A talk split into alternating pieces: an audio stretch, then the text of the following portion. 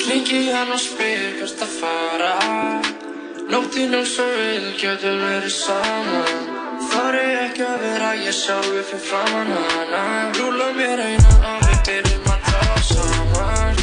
Tala saman, alla virka daga, mellum fjögur og sex.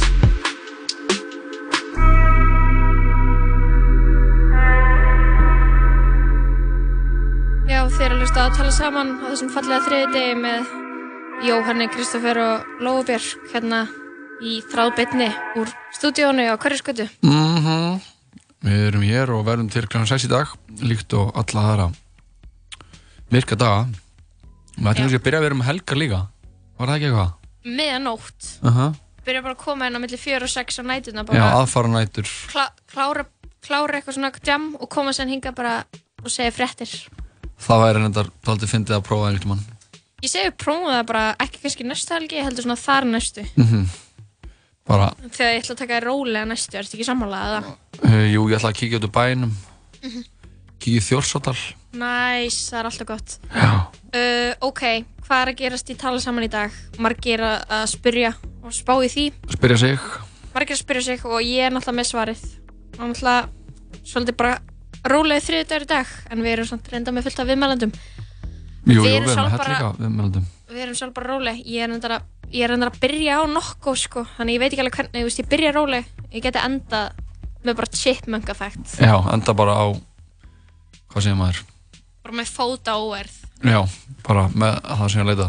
Fóta óverð. Herru, uh, fyrst, fyrst ætlum við að heyra þetta sökkaði á uh, Agli Ástrásinni.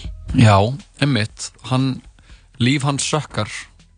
Við þriðja þetta sökkaði hjá honum. Já, Egil er uh, fyrir þau ykkar sem ekki vita einn af uh, stofnundum stöðurinnar og uh, Já. vinnur hér sem markarsfulltrúi, markarsstjóri og uh, hann hefur nú reglulega komið í útarpið og, og sagt frá hinn og þessu verið þáttastjórnandi í, í morgandinu Músli Stundum er hann með mér að tala saman. Hann er svona allt múli mann. hann er það og líf hans uh, sökkar þetta er við- þriða skipti sem hann gemur í þetta sökkaði að Við ætlum að heyra nákvæmlega hvernig það sökkar hérna bara eftir örfáar mínútur þegar hann er vangtalegur hingað inn í mm Mhm. hljóðverið til okkar. Svo fáum við hérna til okkar stelpur ungminnaraði UN Women. Þær uh, stefna að því að halda stórtónleika á Hard Rock á 50 daginn, 29. ágúst. Hálf nýju hefjast þeir. Það er að fara að koma fram alls konar tónlistakonur, Bríat, GTRN, Salkasól, Elisabeth Orfslef, gróa. Gróa, Una Torfa, Una Skram, Ólafur Kram, Matthildur. og uh, sérstaklega gestur verður Sinep Selurinn sjálfur. Selin Díón. Selin Díón Þessi var þessi góður. klikka seint Þessi klikkar sent. Svo ætlum við að heyra í honum Helga Steinari Gunnlausinni, hann er sérfræðingur í málunum Kína.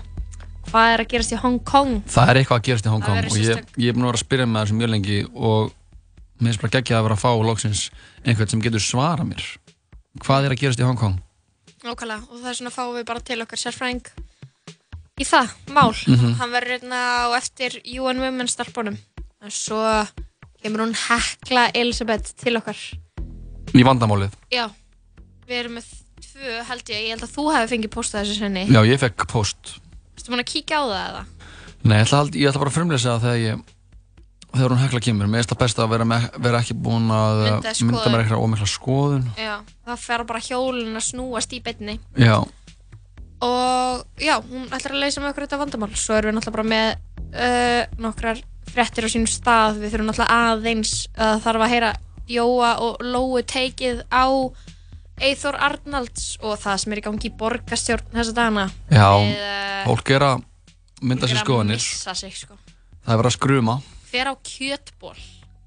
uh, gauð. fór ég síðan í hvað? í ræktin hann er alltaf í þessum kjötból í rektinni Já. en ég fór að hugsa, þú veist, á hann þá fleiri svona bóli á hann eitt ból sem stendur á læri skattar sem pulsur maður getur, sem maður getur bara posta þú veist, ef að, ef að, ef að útsvarið er til umræðu eða eitthvað svona, mm ég veit ekki, skilur bara hana breyðari götur. Já, bara aðförin, eða þú veist, hann er bara með topical bóli fyrir hvert tækifæri eða maður fer svona að halda allt sem það. við kemur borginni. Já, uh, reik, Miklubraut í stokk, nei, takk. ekki, engan, engan stokk. Flugvöllin Kyrran, Já. hann er veit þannig, flugvöllur. já, flugvöllin Hann- áfram, stækkum flugvöllin Hann var eitthvað sem hann, eitthvað alveg bara út úr djamma ráður, hringdi bara í brosbólir eða eitthvað, hvað heitir þetta dæmi?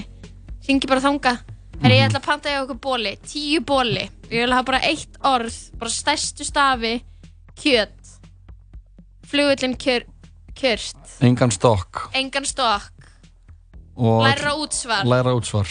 Um, öll, hann sagði bara öll stefnumáli mín allt í öllum regnbónslitum breiðar, breiðari götur. Breðari götur. Og niður með hjólreðamenn og svo er einn ból sem stendur bara á ég elska þig Gísli Martin uh, en uh, eftir örskamar stund fáum við til okkar Egil.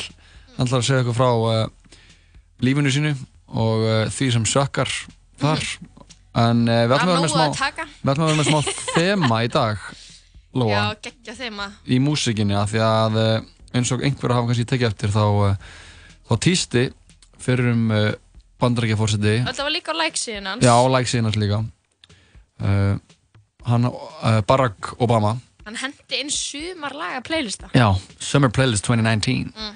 og við ætlum bara að spila lög af honum. Já, ég ætla að byrja á Mood Forever Mood Forever með Beyoncé Mhm. Jay-Z, Childish Gambino úr uh, Lion King soundtrackinu. Já, Mood Forever. Fáum bara að heyra þetta lag og við vinnum okkur í gegn þannig að náum kannski ekki, þetta er mjög langa playlist en náum kannski ekki öllum playlist. Við náum bara að pátta ekki að spila 44 lög þráttur að við hefum áhuga á því.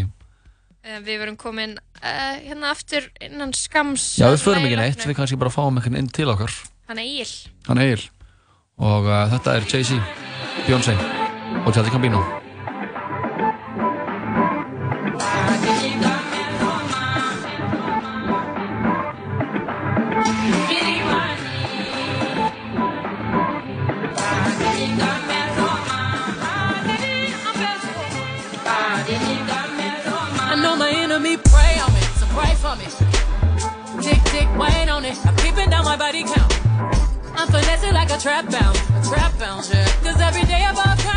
blessing. I done leveled up now, view panoramic.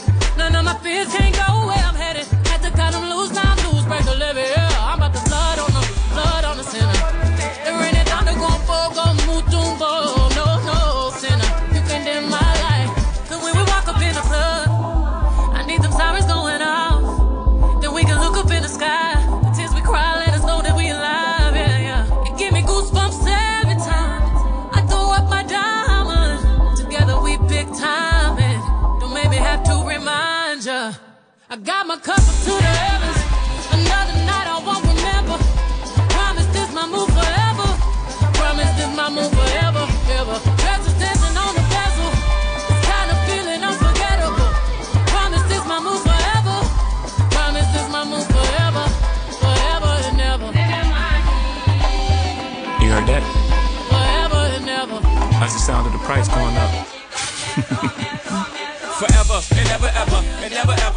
Saxon, Madiba Suite. Like Mandela, bumping fella on the Puma jet. Like we from Lagos, Mansa Musa reincarnated. We on our levels, that's a Billy, a thousand milli.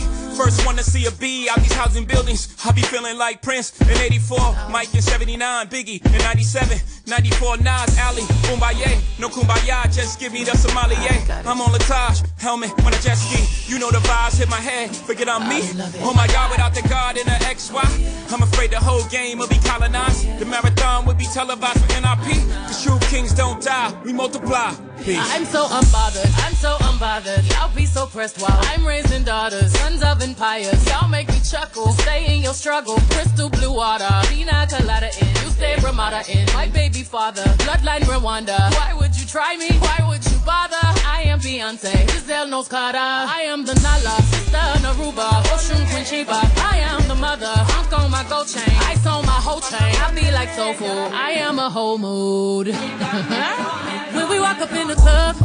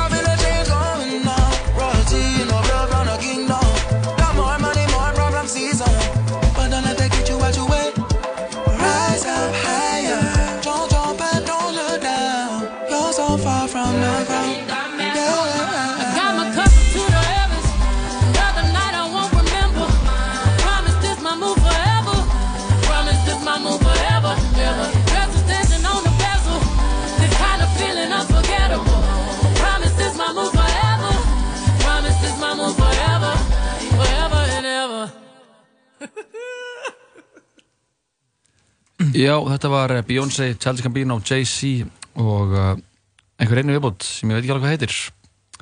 En uh, Það ekki Þetta var, það sko. var eitthvað svona Jamaican. Já, hann er Omu Sangri. Omu Sangri. En uh, við erum komin með góðan gest til okkar hingað í hljóðverið eins og glöggir hlustundur hafa kannski tekið eftir. Egil Ástrásson uh, já, veiðimaður með meiru er sesturinn af okkur. Fyrst og fremst við maður mm, Já, ef ég fengi einhverju ráðið sko. Um einu örlög Já, ég myndi segja svona, ég var að hugsa um helgina sko því ég var vissulega að veiða Mhm. og við vorum með svona guide með okkur Mhm. Þú veist, ekki hver og einn var með veist, þetta var ekki eitthvað svona banka veiði sko en það var svona, það var einn guide sem kom uh, þýskur gaur mjög skemmtilegur sem heitir Eric Mhm. og uh, bara king skilur hann Mhm. bara kemur og hann er bara eitthvað var að veiða hann í fyrsta skipti sagði mér bara nákvæmlega hvað þetta gera og ég fekk fisk og ég hugsaði bara eitthvað oh, hvað er næs, ef ég mætti gera eitthvað eitt þá væri ég gæt. Að veiðigætt myndið þú segja að þú væri sko leiksoppur örlagana ég, ég spyrði það móti, myndið þú segja að tónlist væri skot Skotspónn hugans, ég myndi segja það já. Hver er að segja þessa hluti? Ég veit, ég veit ekki hver tala um leiksopp örlaðana ég veit að DJ Ívar var að tala um Um, tónlist væri skotspótt Þetta er eitthvað sem ég las á, á tíster ábúkulega En að Egil, þú varst hérna í þetta sökkaði. Já Liðinum sem allir elska. Já, 100% Hva, Hvað sökkaði svona mikið á þér Egil? Var þetta eitthvað sem gerist um helgina eða? Sko, máli er ég átti mjög góða helgi. Í alla staði við hérna settum að staða sambandið á föstudaginn eins og örgulega verið rætt mikið Við um, höfum reyndar ekki minnst einu orði á það. Já, Það er um að gera að minnast á það. Nei, við erum að láta þessu að sé ekki til. Það er mjög tröstingandi Settum að staða sambandið á föstudaginn og það var rosa gaman og þú veist, mikil vinna búin að vera í gangi og svona síðan var þetta bara svona, var ég svona lögadags kvöld og svona sundagsmorgun vaknaði ég bara mjög ferskur og í svona hálgerið svona sælu vímu og var sérst að fara að keira í hérna í veiði. Mhm. Varstu að fara að keyra í þig ein... Já, og það Já. og hérna, þú veist, eitthvað sem ég er búin að bókað skilur síðan í janúar og búin að hlaka til og átti alls ekki að vera sem helgi og sambandið og þú veist, ég hef búin að sætti með því ég var kannski bara að taka helmingin af tímanum en samt var þetta geggja og Mhm. ég Já. var að keira þarna vestur Varst það einn í bíl eða? einn í bíl, Varst það leiðin í Hólmavík eða? já, eða svona rétt við Holmavík síðan fær maður yfir Þorskjörðina um, já, einn í bíl út af því að ég þurfti að vera á bíl til þess að ég geti skilið við félag minn eftir og komið tilbaka. Já, já, já. Og- Og þeir að fara að vera lengur en þú? Já. Ok. mm, Síðan sko upphefst atbyrðarás um, Það sem ég er að hlusta á skoðanbröður Já. Og ég er í Arnkölludal Mhm. Á djúpvegi í Arnkölludal Dalurinn sem við elskum öll. Já, Aldrei og- heyrt um hana dal. einmitt, þið, þú veist, fæstir kannski Jú, ég meina allir sem keira til Ísafjörðar Þú veist, fari í gætum Arnkölludal Já, já. Um, Lengra en Lengra en Búðardalur. Já, Búðadalur sem kemur inn heiði og kemur niður í Arnkölludal og síðan Hólmæk Ok, ok. Og hérna ég er að hlusta skoðanabræður og ég var í jákvæðniskasti eins og ég sagði. Og ég var að hlusta á skoðanabræður þáttin sem þú ert í Jóhann. Mhm. og mér fannst hann bara alveg frábær. Glem, glem að um, og ég var að skemmta mig mjög vel hlæjandi þarna að, að vinnum mínum og, og ég var svona að gleðjast yfir í hvað einhvern veginn bræðralæðið, skoðanabræðralæðið væri stert og ég var nýbúin að sjá skoðanajarm síðan á Instagram og, Mhm. og ég þeir voru að taka þáttum kvöldi og ég ringdi sko upprunlega að því ég ætlaði að reyna sko, ég ætlaði að bjóðast til þess að borga þeim pening Já um, eða þú veist, eða eitthvað ég þess ætla, að ég ætla segja eitthvað, já, eða- veist, ég var eitthvað að djóki ég ætla að sjá hvað, að þeir eru andkapitalist podcast Mhm. og ég ætla að djók, ég var eitthvað að djóki snorra að spyrja hvað myndi þau þurfa mikið til þess að borga þeim sem ég ætlaði kannski ekki endilega að borga þeim Nei, bara svona bara- ringi upp á stemminguna sko. Og uh, þá eru þeir hér í stúdíónu Mhm. og ég heyri í þann mund sem ég ringi í snorra að kerfið er að fara í gang mm. og ég er að kera í Arnköldal og það er ekkert spes símasamband í Arnköldal Nei en það er einhvern veginn miklu írónískara núna fyrir mig að vera ekki með gott símasamband út af því að þá veginn er ég að pyrrast út í þú veist, já, okkur Já, einmitt, þetta er Þitt kompani. Mm. og hérna og ég er sérst í þeirri stöðu að ég er í bíl og ég er með skoðanabræður í, í bluetooth tengingu í bílinn Mhm. og ég er að ringi, ringi snorra og ég heyri þegar að sírenan fyrir gang hjá honum og svo dettur símtalið út og þá dettur bluetooth inn og snorra er að tala um hvað hann sé þunglindur Mhm. í podcastinu Já. og ég ringi aftur í snorra sírenan inni og ég reyna að láta hann lesa upp fyrir mig númeri á öryggismiðstöðinu sem ég geti ringt í þá Mhm. þetta gerist svona þrisvar þar sem Já. ég er annarkort með vælandi sírenu í kerfinu í bílnum eða snorra að tala um hvað hann sé þungliður Í podcastinu í podcastinu Já. og, og svo næ ég í Securitas Já. uh, er eitthvað, þú veist, það er alltaf að gerast bara svona 3-4 mínútum ég er bara að vera ær af þessari atbyrður áskilur næ í Securitas, Það er ekkert svo getur gert út í Arkölludal. slekk á kerfinu, ringi snorra, símtali slitnar aftur og ég er svona að reyna að slökkva á skoðanabræðurum loksins þegar ég allt í hennu líti upp og það er bara blikandi bláljós. Uh, ég komið yfir ykkur að hæð hraða allverulega á mér Mhm. eina löggan í landslutanum mætir mér Já. stoppar Nei. mig og, og óttar veiðifélagi minn er fyrir aftan mig á nákvæmlega sama hraða og hann keiri bara fram úr okkur báðum Já. mér á löggunni Tekur kannínuna og ég bara Oh my god. og ég hugsaði bara að þetta var verstu fjóra mínútur ævi minnar Já. Já, út af því að þegar að kerfið fyrir á og Securitas mætist þá er það líka sagt, sko. já, þeim að, En já, þeir náðu að já, sleppa? við sleppum, við sleppum Ok, það já, þetta er já. alltaf að gerast hérna en, Já. En já, þú veist, bara það að vera með sírunna og snorra til skiptis yfir í það að mæta einu löggunni á Hólmavík og Mhm. fá, þú veist, ég fekk umtalsvert háasegt Já, hvað var Ég er tilbúin að segja ykkur hversu há hún er, eða? Ég er til, tilbúin að segja ykkur hversu hratt ég var að keira Já. Ég var mældur á 119 Á 80 eða 90? Á 90 vegi. 90. Þá var það, hvað, 60-70 skall Já, eitthvað svo leiðis Já, já, það er, það er bara fínt fyrir budduna þína þess að takast á við það Nei. En það var svona það er fara hraðasegt, sko. Þetta var svona- Maður á það aldrei skilið. Þú veist, ég er samt svona til þess að koma til móts við þetta sökkaði liðin þá þú veist, fyrsta lagi þá var ég búinn að hugsa allan morgunin að það væri búið ofgóð helgi og ég ætti skilið einhvern skell Já, já, eins og heimurinn virka bara og síðan líka það að ég hef alveg keirt á 100, 110 áður skilur Mhm. alltaf Mhm. og ég hef örgulega sloppið líka núna ef ég bara spotta hann og snemma uh, þannig ég átti smá, þú veist, ég á alveg inni fyrir fyrsta punkturinn mínum Já, þetta er fær punkturinn punkt. Já, ég fæ punkt þetta á fyrsti punkturinn minn, ég fór í bílinn til hans og ég var ekki með aukskýrtin heldur. Farið auka punkt fyrir það? Nei, Nei. en auka sekt samt. Auka sætt, já. Og ég var eitthvað, satan aftur ég og Guðurinn var svo leðilegur og hann bara eitthvað þú þú þarft ekkert að tjáðu um þetta frekar en þú vilt. Þetta er númer bara hérna á mælinum hérna eitthvað, stóð eitthvað 120 og eitthvað, eitthvað tveir eða eitthvað, þannig 119 er það sem er meldt á. Mhm.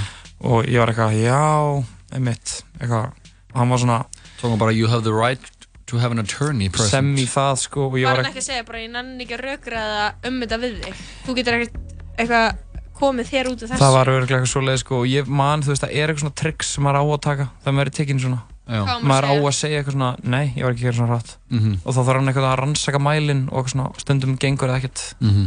en ég bara, það fór allt undir gluggan ég var svo viðkvæmur, þú veist, ég var þunnur ég var að svafa í svona fjóra tíma Gott hann áfengismeldið þig ekki. ég var örglega verið klínsand.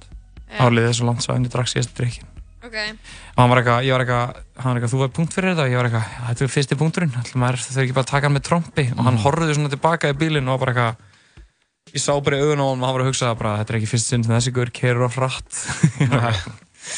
Þeir ekki allir á hratt? Jú, Eða jú, ég- veist, me- maður Ég áskil meina að að vera ferða á brautina þá er, er standard að gera það á 100 sko. Þú ert, það er engin annar, skilur við. Þarna í Arköldal var enginn nema ég, Ótti og þessi gaur. Já, og þið mættu sanna. Oh my god. Svona er þetta, maður fær ekki punkt fyrir að ég hef aldrei fengið punkt held ég. Nei, ég hef aldrei verið tekið með að kjörur hratt Ég hef verið. En ég hef fengið punkt, að nei, ég, ég hef fengið mjög margar sko stöðmálasættir og fyrir að leggja ólögulega og það er tíu skall í hver skipti. Ég hef haldið alveg fengið svona borgað svona 60-70 þúsund fyrir að leggja Ég er líka í þeim Ólega, sko. því lotteríi, sko. Já, Ég veist, ég er í miðbæðalotteríinu, þú, ert- þú ert í því líka kannski. ég er þar sko Að borga ekki, skilur, aldrei í stöðumali. Ég, taka jú, sénsinn. ég er þetta að koma með appið sko Já, það, ég, leggja, er að fá, ok. ég er að fá sektir fyrir að uh, leggja Stöðubrót bara. já, stuðabrót Ég, og ég get ekki lengur nota leggja appið og því ég er með ógreitan reikning og ég veit ekkert hva, hvernig ég á að greiða hann. Þú er bara, þú, greið, þú greiðir hann til mín. Þú bara leggur hérna mig. Ég innheimti þetta. En þetta er triksi sko, er, sem ég tók einu sinni, ég sagði þetta mér þess að forstöðu konu bílastæðasjós einu sinni, Mm. að ég væri í sko þeim business að borga aldrei í stæði, fá sekt í kannski svona 30. hvert skipti sem ég legg Emitt. og koma út í pluss. Já, þetta er ákveðið lotteri, sko. Og heldur þetta virki? Nei. Ég held maður sé í mínus, sko. Ger ég þetta samt? Já. Þetta er eina leginn til þess að sanna reglu er að endurtaka hefðununa og komast í hann að í mörgum, mörgum árum síðar að maður var að gera mistök. Bara kæfta þig. Egil, þetta er uh, umulagt. Það sem er verst í þessu er að þú varst að hlusta á skoðanabræður. það var, eða, mér finnst það að vera icing on the cake í þessu öllu, þessi skoðanabræðra, þetta var alveg dystopíst sko. Já, þetta er hljómar eins og byrjun á hryllismynd, eða endurinn á hryllismynd. Mm, ég hefði alveg getað kert, þú veist, ef, að, ef ég hef ekki verið að fara að veiða, ef ég hef verið í einhverju missjoni, vinnumissjoni, Mhm. Já. ef ég ekki verið að fara að veiða, þá hefði ég kert niður á næstu hæð, sko, eftir þetta, mér hefði ekki vel, sko. Hvernig, brunað. hvernig náður þér upp úr þessu? Ég bara fór á vitti í frábæna félagskap í fallegu umhverfi og skemmti mig vel. Hvað finnst þér um uh, mötuneytismálinn í, í Reykjavíkuborg? Nú veist þú vei, veiðimaður sjálfur Já, og kannski svona íhaldsmaður líka. Já, rétt. Og maður getur leitt líkur á því. Og hvað, er þín skoðun á, á, á, á kjöti og mötuneytismálinu? Á, hérna, hefur þetta eitthvað með fisk að gera eða? Jú, jú. Á að, minka fisk líka? Þá að taka bara allt kjöt. Já, ok. Það er, já, það, En er fiskur- það er bara, ekki kjöt, sko. er það ekki bara... Er fiskur ekki þar með talin eða? Nei, ég held ekki. Ég, held er alveg hlindur því að láta krakkana borða smá fisk, Það er sko. fiskur, eitthvað, ég held að sé eitthvað, eitthvað standard, fiskur þrísar í viku, kjöt í viku. Tvisvar. Þannig að ef, ef við erum að ræða hvort það er að taka út, þú veist, Kjöt. að skipta út græmmendisfæði fyrir kjöt í viku, minnst það mjög lítið, sko. Ég er með uh, tillögu. Mhm. Ég segi, krakkarnir mæt, mæti í skólan, þeir fá eplaedik í vatni. Mhm. Svona bæli niður svengdatilfinninguna. Og síðan svona overnight oats. Overnight oats í hátægismat En og mér- svo fara þau heim. En mér er sko, mér finnst það bara að vera borlíkjandi og það þarf bara einhver að hafa kjarkinni að keira þetta í gegn um þess að það sé eitthvað vesen af því að þetta er svo, ég er í veiðiferð eins og þú virkil réttilega bentur á Mm. og ég er nú kannski ekki, í, eh, jú ég er íhaldsamur en ég er ekki íhaldsamur, Það er ekki íhaldsmaður? nei, nei, Ok. Kýsa ekki íhaldið sko. Þú er meira bara svona að íhald samur að þú vilt halda heilir og jól og... já, já. Þú kýst Já. ekki einu svona vinstra íhaldið, eða? Jú, jú, ég gera það, en það, kann, það stakk mér til dæmis í skoðanum bara um Jóhann þegar þú sagði að kirkjan væri ekki heilug stopnun lengur. Uh, já, hún er það ekki hér á landi.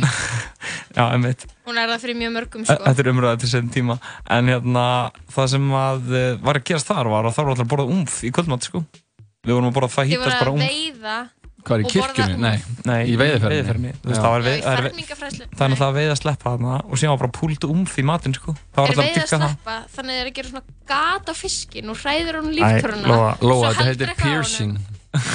Þú ert með svona hring í Þú ert með svona í nefinu. Já, það var þetta því að Var þér ekki það sleppt eftir þetta? Kór kaffibar sem skaur veitti mig og síðan þá Já, og hann gaf var þér, svona veiðistöng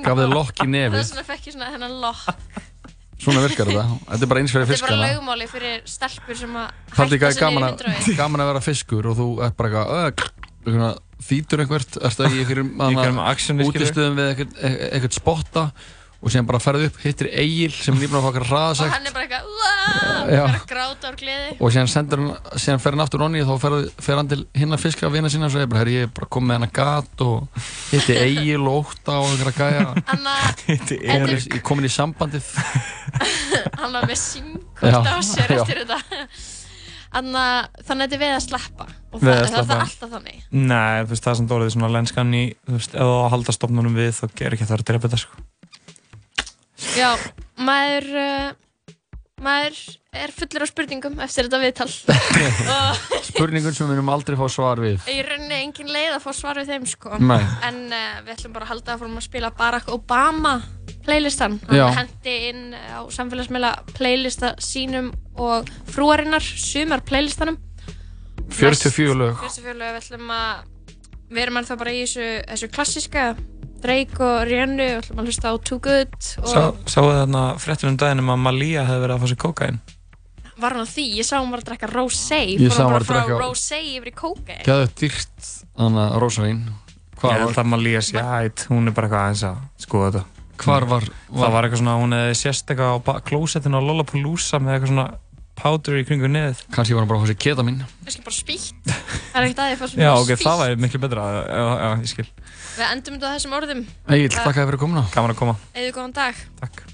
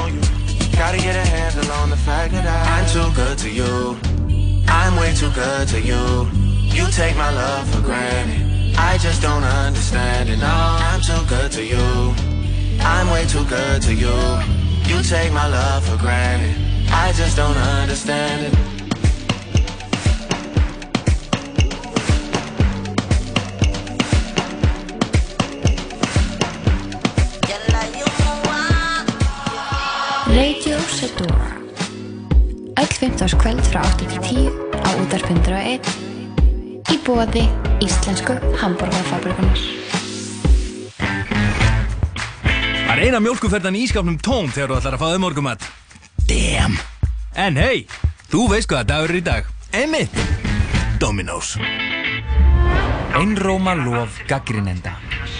Sjónrænt grýpandi og áhrifamíl. Hvítur hvítur dagur kemur í bíó 7. september. Hamburgerabúla Tómasar. Þriðudagstilbóð, þriðudagstilbóð. Hamburgerabúla Tómasar. Velkomin í sambandið. Símafélag framtíðarinnar. Uh, here I come. Anybody order fried sauerkraut? Nýjunda kvikmynd Quentin Tarantino Leonardo DiCaprio I'm Rick Dalton. Brad Pitt. Here comes trouble. Charlie's gonna dig you. Once upon a time in Hollywood. Komin í B.O. Fylgist með okkur á Twitter og Instagram at 101 Live Radio. Já, þeir eru hlustið að tala saman og við erum komið með góða gæsti til okkar. Það er Unus Gram og Sirið Þóru úr ungmennraði UN Women. Komið í sælar. Sæl. Hvað segir ég gott? Bara þess. Bara alltaf besta bara. Já. Hvað stendur til í vikunni? Heyrðu, það er tónleikar á fymtudaginn, hálf nýju í Kjallara Hard Rock. Það sem einvala lið hvennkynst tónlistamanna muni koma fram. Já, ég sá þetta mm -hmm. er mhm. bara eiginlega næstu því allar tónlistakonur í Íslandi. Já, næstu því sko. Já, bara nýju, sem Já, sagt. já. já, ok. Joke. En uh, já, þetta geggja Anna framtak. Fyrir. byrjuðu að plana þetta og hvernig kom þetta til? Sko, ég er búin að velta þessu fyrir mig að þessi, þessi hugmynd er búin að vera svona í meðgöngu kannski bara í ár. Við Mhm. erum bara búin að pæla í þessu í ár og síðan ákveðu bara að láta verða að þessu svona í mars og byrjum bara að hafa samband við fólk í apríl og síðan bara hefur þetta verið svona tínast saman smá saman og þetta orðið bara viðbyrði. Þannig, Er þetta- er þetta einhverjir þú styrsta tónleikar eða? Já, sem sagt allur ágóði af miðasölinni rennur til málumna UN Women og þú veist það er bara alls konar verkefni, þú veist hjálpa konunum í Egeftalandi að fá skilríki eða þú veist hjálpa konunum í flóttamannabúðunum í Jordani þetta er bara allt milli heimis og jarðar bara Mhm. og allt mjög verðu málefni þannig að Kekjað. Og Una, þú ert að spila. Yes. Þú peppi fyrir þessu. Ég er rosa spennt. Ég er líka búin að vera að býða eftir svona tónleikum í alveg mjög langa tíma. Bara stelpu, Bara girl stelpu line-up, bara, já. Þú Veist, það er, ég, það hefur örugglega verið eitthvað svona áður, skilur en að ég veit það ekki, mér finnst það bara svo, það er svo ótrúlega fríkvæmt að það séu bara stráka line-up og þá er það ekkert þing, skilur, þá er það bara get Norm- basic. bara. Já. Finnst þér ekki oft, þér ekki fara í aukar að þetta fólk seti bara svona virkilega spurningamarki við það? Jú, sem betur fer, skilur, það er alveg þannig umræðan, umræðan er þannig núna, þú veist að fólk er bara svona og hans við, að það sé allavega ekki ein, ein kona eða stelpa, skilur, Já, í line-upinu, þú veist, það er alveg svolítið slaft, sko. En er sér ekki smá leðilegt að vera all, alltaf eina gellan? Það hlýtur að, þú veist, það er reglulega gaman að vera með bara stelpum að gigga. Já. Það fyrir að vera eitthvað óbyrju, ég var valinn sem eitthvað svona, ég mátti vera með í þessu giggi. Já, jú, ég vil hafa þetta þannig náttúrulega bara að sko þetta til dæmis sjó verður svo gott showcase til þess að sína þú veist talenti sem að er, sem að konur hafa hér á landi þannig að þetta verður ekki eitthvað svona eitthvað svona, uh, við þurfum eina gælu uh, hvað ég var að gera, hvað ég var að velja af því það er alveg nóg það er alveg nóg til Mhm. Já. Skilur og þetta sýnir það alveg Þetta er líka mjög skemmtilegt en náttúrulega leiðilegt að við þurfum að sjá okkur knúin til að halda sérstakka tónleika bara fyrir stelpur og það Já. sé ekki norm. Það er það sem er svo leiðilegt við þetta. þetta er bara starting point Já, nákvæmlega, þetta getur bara komið þessu á stað frekar. Já. Það verður fleiri svona gig. Já. Og hver eru fleiri ástur að spila? Um, Ég er með það- Já, þú er með listan. Ég er með listan. Þú með listan? Ég er með listan. Sigga veit ekki neitt, hún er að planta Nei, ég er bara að giska sko. Þú veist þetta líka, eða ekki? Jú, það er hérna GTRN, síðan Bríett og Gróa og síðan er nýtt band sem heitir hérna Ólafi Kram sem, sem sagt, samastendur bara af stelpum, ekki hens the name samt, en já, síðan bara fleiri hæfileika ríkar tónlistakonur. Ég hugsaði eitthvað svona Ólaug Kram verið nafna okkur um gauri, ég er eitthvað, já, okkur er það konum að vera með. Já. En svo fattaði ég gaur í MR. Ólaug Kram, hann er Já. og eðlilegt eitthvað svona algjör nörd. Já. en uh, það getur hver sem er mætt við þetta, þetta er náttúrulega ekki bara fyrir stelpur. Nei, nei, nei, alls ekki. Alls ekki. krátið á að vera náttúrulega bara Mjög all, já, bara því fleiri strákar því betra í reyninni af því að það eru svo mikið þeir sem að er ekki að fatta þú veist hvað hvað það er mikið til Já. bara sorry skilur en Já, ná. það er bara þannig Það er ekki að beða mig afsökunar á því, sko. me, me. Jói, þú ert partur á vandamáli. Jú, ég er það. Jói! Lengur búin að gera mig grein fyrir því. En uh, hvar er þetta að fá miða á vefurinn? Það er bara á tix.is og miðasalan er í fullum gangi og miðin kostar 1500 krónur sem er ekkert það mikið. Ég menna það er bara Það er svo... mjög lítið. Já, ég menna það er Já, bara svo skilur, málefni á líka. Íslandi. Já. algjörlega. Einn ein síður latte bara. Já, með hára mjölk eða eitthvað, bara þú veist. En svo náttúrulega bara músikinn, það góða maður, þú veist, það ætti að vera nóg fyrir mann til þess að skella sér á þessu tónleika. Já, algjörlega. Með 1500 kall er ekki neitt.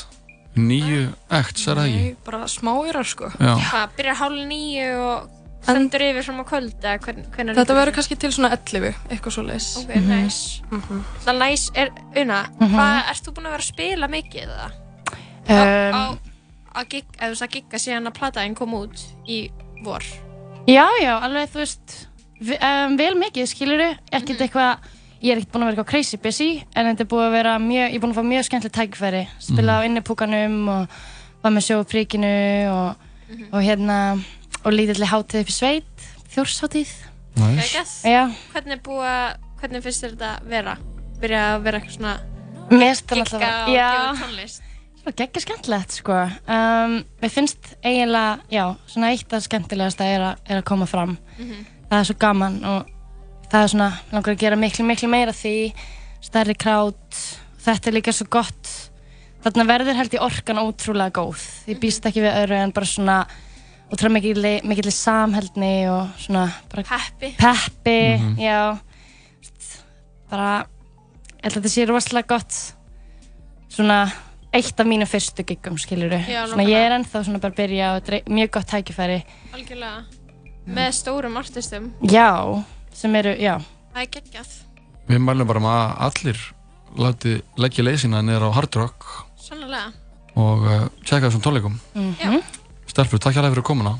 Við bara, Og góða skemmtun á fimmtudaginn. Já, takk. takk. Takk fyrir okkur. bara pepperoni. Við höldum áfram að spila af uh, Barack Obama playlistanum.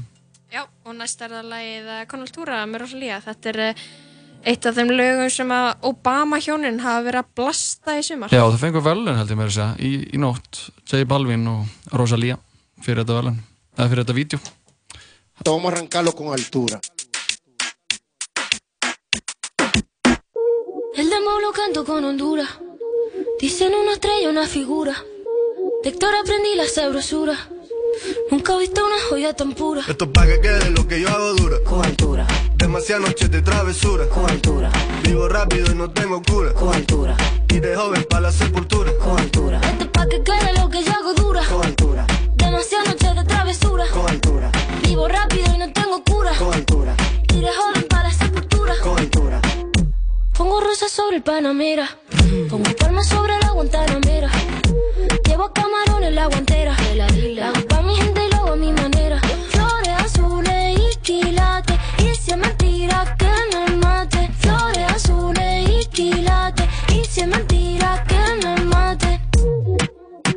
Con altura.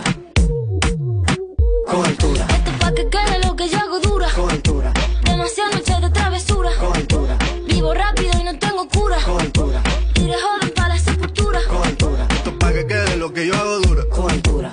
Demasiadas noches de travesura. Con altura. Vivo rápido y no tengo cura. Con altura. Y de joven para la sepultura. Con altura. Acá en la altura están fuertes los vientos. Ponte el cinturón y coge asiento. A tu beba y al ave por dentro. Yes. El dinero nunca pierde tiempo. Contra la pared. Tú no si le tuve que comprar un trago porque la tenías con sed. Desde acá, qué rico se ve. No sé de qué, pero rompe el bajo otra vez. Mira. Flores azules y quilates. Rosalía. Y si es mentira que me mate. Flores azules y quilates. Y si es mentira que me mate. Con altura. Con altura. Que quede lo que yo hago dura. Con altura. Demasiadas noches de travesura. Con altura. Vivo rápido y no tengo cura. Con altura.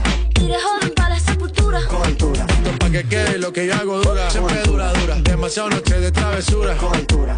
Vivo rápido y no tengo cura. Con altura. Y de joven para la sepultura. Con altura. De Rosalía. Vamos, vamos, va- va- vamos a esperarnos. Va- Vamos a esperarnos para que no haya. Vamos, vamos, vamos a esperarnos. Digo, se bote, Vamos, vamos, vamos, va- va- vamos a esperarnos. Va- Vamos esperarnos para que no dinero. Va- Vamos esperarnos. Digo, se bote, Vamos, vamos, dura. Já, þetta var uh, J Balvin og Rosalía, lagið uh, Konoltúra. Við höldum hér áfram í síðdegisættunum tala saman á þessum uh, ágætta hvað dagur er þetta- í dagur áttur í Það dag. er þriði dagurinn 20. og 7. ágúst árið 2019 Jói og klukkan er uh, 4.42. Hún er það sannal- sannarlega, við erum komið annan góðan gestur okkar, Helga Steinar Gunnlaugsson. Uh, Helgi, þú ert sérfræðingur, í, í málefnum Kína, ekki satt? Já, svona sérfræðingur og ekki sérfræðingur ég, svona, já, ég var í námi að núti og, og er svona já, með annan fótinn alltaf í öllu málefnum sem tengist Kína ég er Mhm. hérna, vinn sem tólkur, kímensku tólkur á Íslandi Ok. og um, rek meðal annars uh, ráðgjafastofu og fyrir svona fyrir bara alla þá sem vilja fara til Kína eða hafa einhvern áhuga á Kína og þetta hefur svona undanfari, já, myndi ég segja vikur á mánuði svona verið meira og meira hérna, að færast út í pólitíska geiran hjá mér vegna þess að masterskráða mín var einmitt um alþjóða samskipti Mhm. uh, frá háskólum í Peking og þar var einmitt verið mikið rætt um, um hérna, stjórnmál og alþjóða stjórnmál og, og náttúrulega þegar ég var í, í háskóla að núti þá voru einmitt þessar hérna uh, fyrstu uppreisninnar í Hongkong 2014 sem Mhm. voru svona aðdraðandi það sem er að gerast núna Einmitt.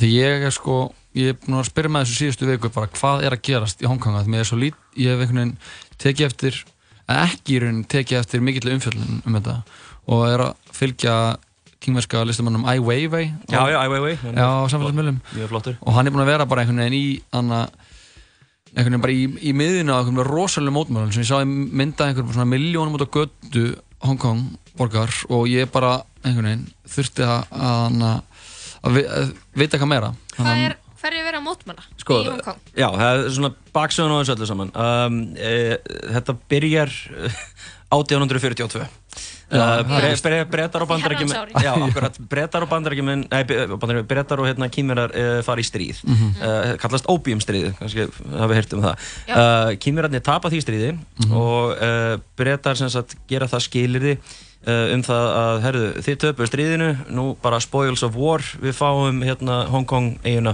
og þar getum við fengið aðgang að sem sagt kýmiska markaðurum til að selja ykkur eða uh, selja ykkur hvað sem þið vil, viljið kaupa sem var aðalega bara opium uh, upp á því tímambúti og uh, sem sagt þeir skera þann samning að Hong Kong verður bresk nýlenda. Uh, ég held að samningurinn átti uppnáðulega að vera sem sagt 99 ár. En út af menningabildingun og allir því sem var að gerast í Kína á þessum tíma þá verður Hong Kong í rauninni bara bresk nýlenda í 156 ár. Vá, svo, ok. svo þannig að Hong Kong bara hægt og rólega verður bara lítið brest svæði í Asju Er, er mikið að breytum í Hong Kong? Já, já, já, það voru, allan var miklu meiri, voru miklu fleiri breytar sem voru bygguð þarna og fullt af útlendingum sem búa þarna. Þetta er kallað, sko, Hong Kong hefur alltaf verið kallað uh, þess að asíski alheims, asíska alheimsborgin af því þetta var lengi vel uh, var þetta fjárhagsborg Asju um, og náttúrulega þú veist, þú spyrir fólk kannski fyrir svona 15, 20, 30 árin síðan hva- Hong Kong, hva, hvað sér þau fyrir? Röglega svona brú, einhverja svona kung fu myndir og Mhm. svona eitthvað svoleiðis. En, en þetta, svo, svo gerist það sko 1997 uh, þá er sko eru borðin í rauninni snúin. Kínar eru miklu miklu voldur stærra ríki. Bretland er ekki eins stórt og það var.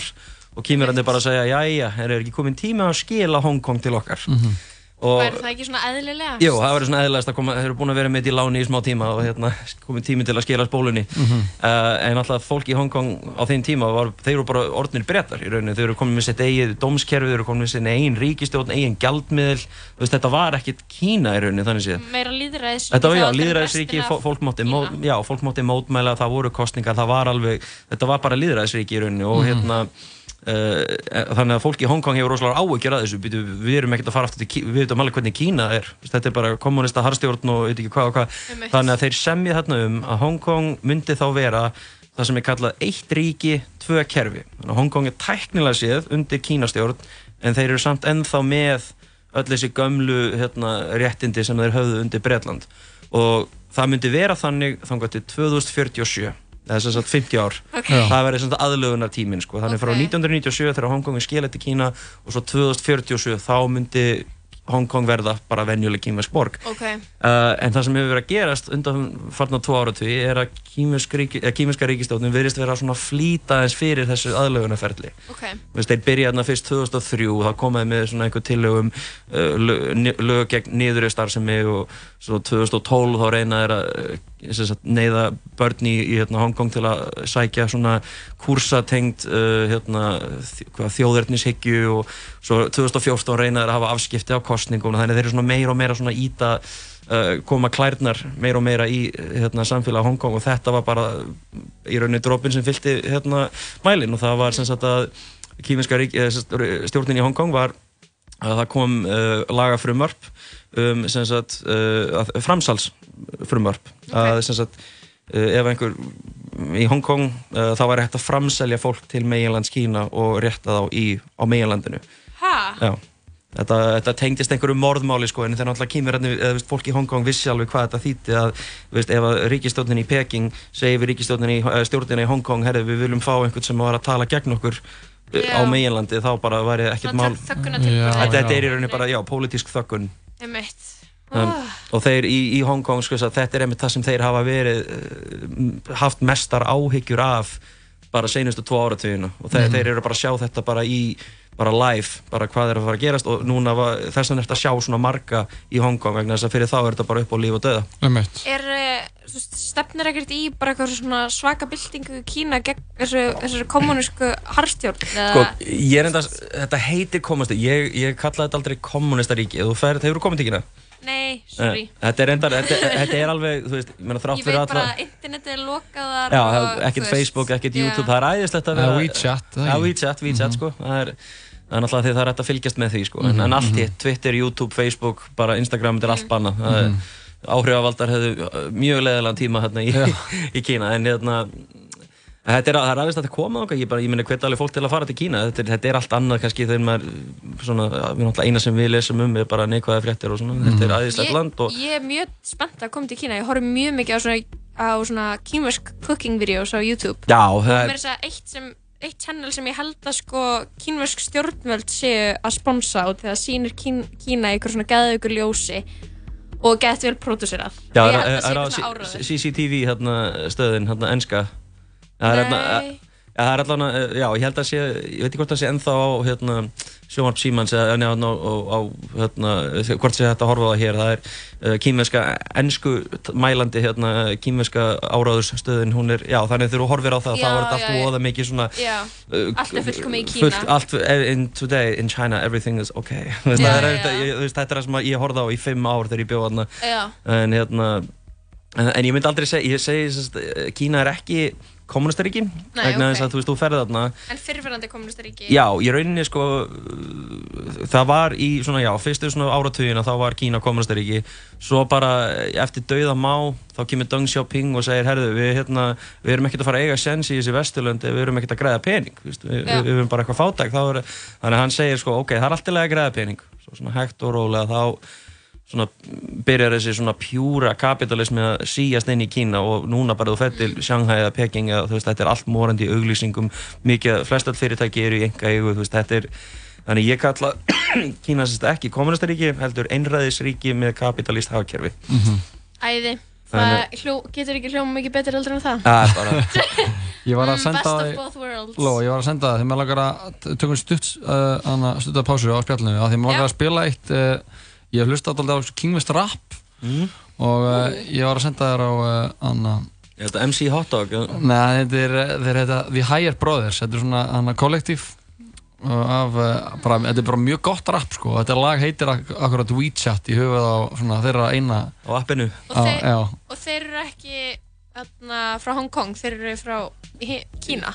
uh, já, þeir eru frá Kína. Ég veit, ég, ég, ég er ekki alveg kunnur um hvaðan þeir nákvæmlega eru? Ja, mik mikið að sko listamönnum leikurum og allt þeir eru annarkvort frá Taiwan eða Hong Kong. Taiwan eða Hong Kong. Já, það Já. er bara, það er náttúrulega þegar þú sýnir sko þegar þú ert með harstjórn hversu lítið af svona frjálsum hugsum, hugsandi listamönnum blómstara þar í Já, einmitt, það er náttúrulega bara, þeir eru bara okkaðir Já, við ætlum að hlusta á þetta lag WeChat með Higher Brothers og Já. halda fann að spjalla við Helga. eftir áskamma stund.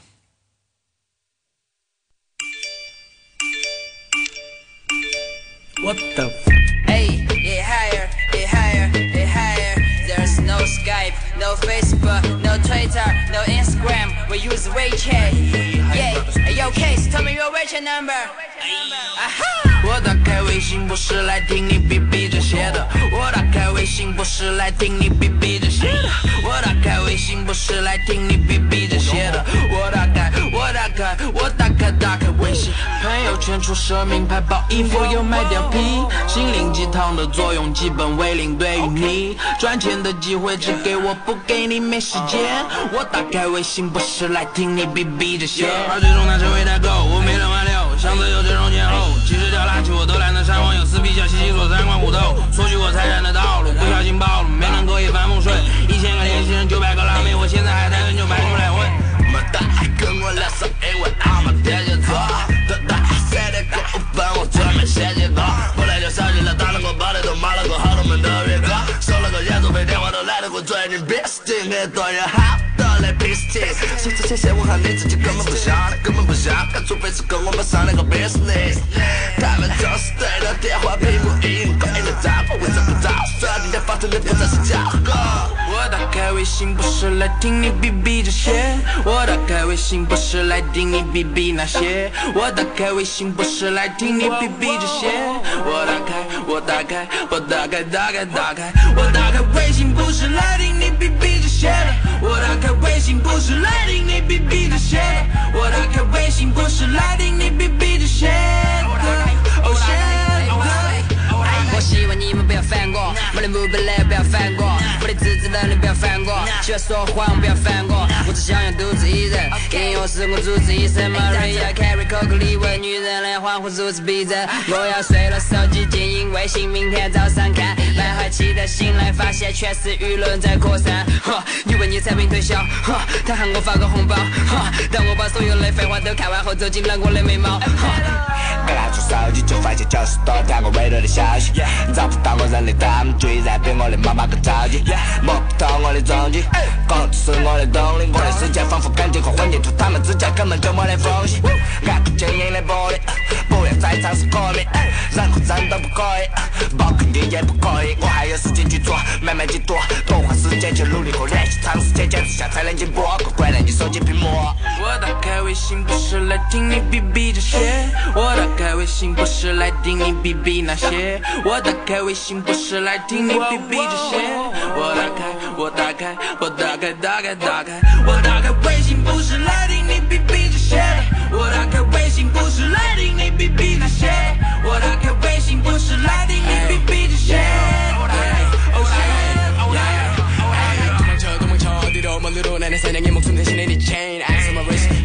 ice cube fist Sub-Zero 만행 Mortal Kombat 손목엔 피눈물 흘러져 생사자가 멀리서 나를 불러 yeah. 내 손목에 보석 흘러내 주먹 봐봐 이건 보석받지 주먹 yeah. 난안 죽이면 넌 죽어 난 진실을 알고 있으니까 쫓겨 yeah. 세상에 내 존재 폭격이 웨퍼처럼 모두가 나를 목격 yeah. Money just wanted to slay Money just wanted to pray I got some ninjas Asian they don't play but you try to play 친구들은 안 들고 다녀 장갑 가장 네 깜찍고 너무 무거운 탄창 자꾸 이별 없이 장난만 지나간 장난만 가득 차는 데까리는 박살나 근데 너무 믿으면 어쩌고 해라 All my ninjas backwards but drop down value Þetta er hljómsveitin The Higher Brothers með lagið eh, WeChat ásand We ásand honum Keith Ape Við erum að spjalla við Helga Steinar Gunnlaugsson um eh, það sem er að gerast í Kína og Hong Kong og eh, já, það er bara allt að gerast þar Já, þetta er, þetta er að í þriða, þetta er komið þriði mánu núna, það sem er búið að vera stanslaus mótmæli og bara vandamálið núna, það er bara báðar hliða bara að neita að gefa eftir. Mhm.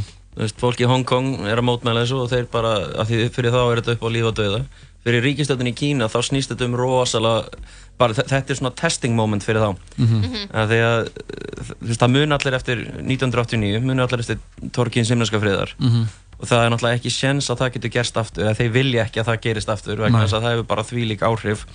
Og, og hérna en sko lögmæti ríkistjóðarinnar í Peking snýst svolítið um sko efnahagsgróða og hérna þjóðverðninsykju Mhm. og það sem er að gerast í Hongkong hefur rosalega áhrif á efnahægin þannig að þe- þe- þeir, það er engin góð svör við þessu uh, ríkistjóðninni, þetta er svo mikið líka um face sko að því að hérna alltaf ríkistjóðninni í Peking vill ekki gefa eftir að þið, ef þeir sína eins og þeir séu að gefa eftir Já, já. þá er það merki um þeir orðin svolítið veikli já, Já. og þeir verða náttúrulega að stjórna 1,5 miljón manna þjóð miljard manna þjóð, þá Já. náttúrulega verður að sína að þú, sína um hver boss Nákvæmlega. Og hvernig bregst, uh, þú veist, ríkisvöld Hong Kong við þessu? Að þau eru með sinni, þetta er stjórnkjörfi Jú, jú.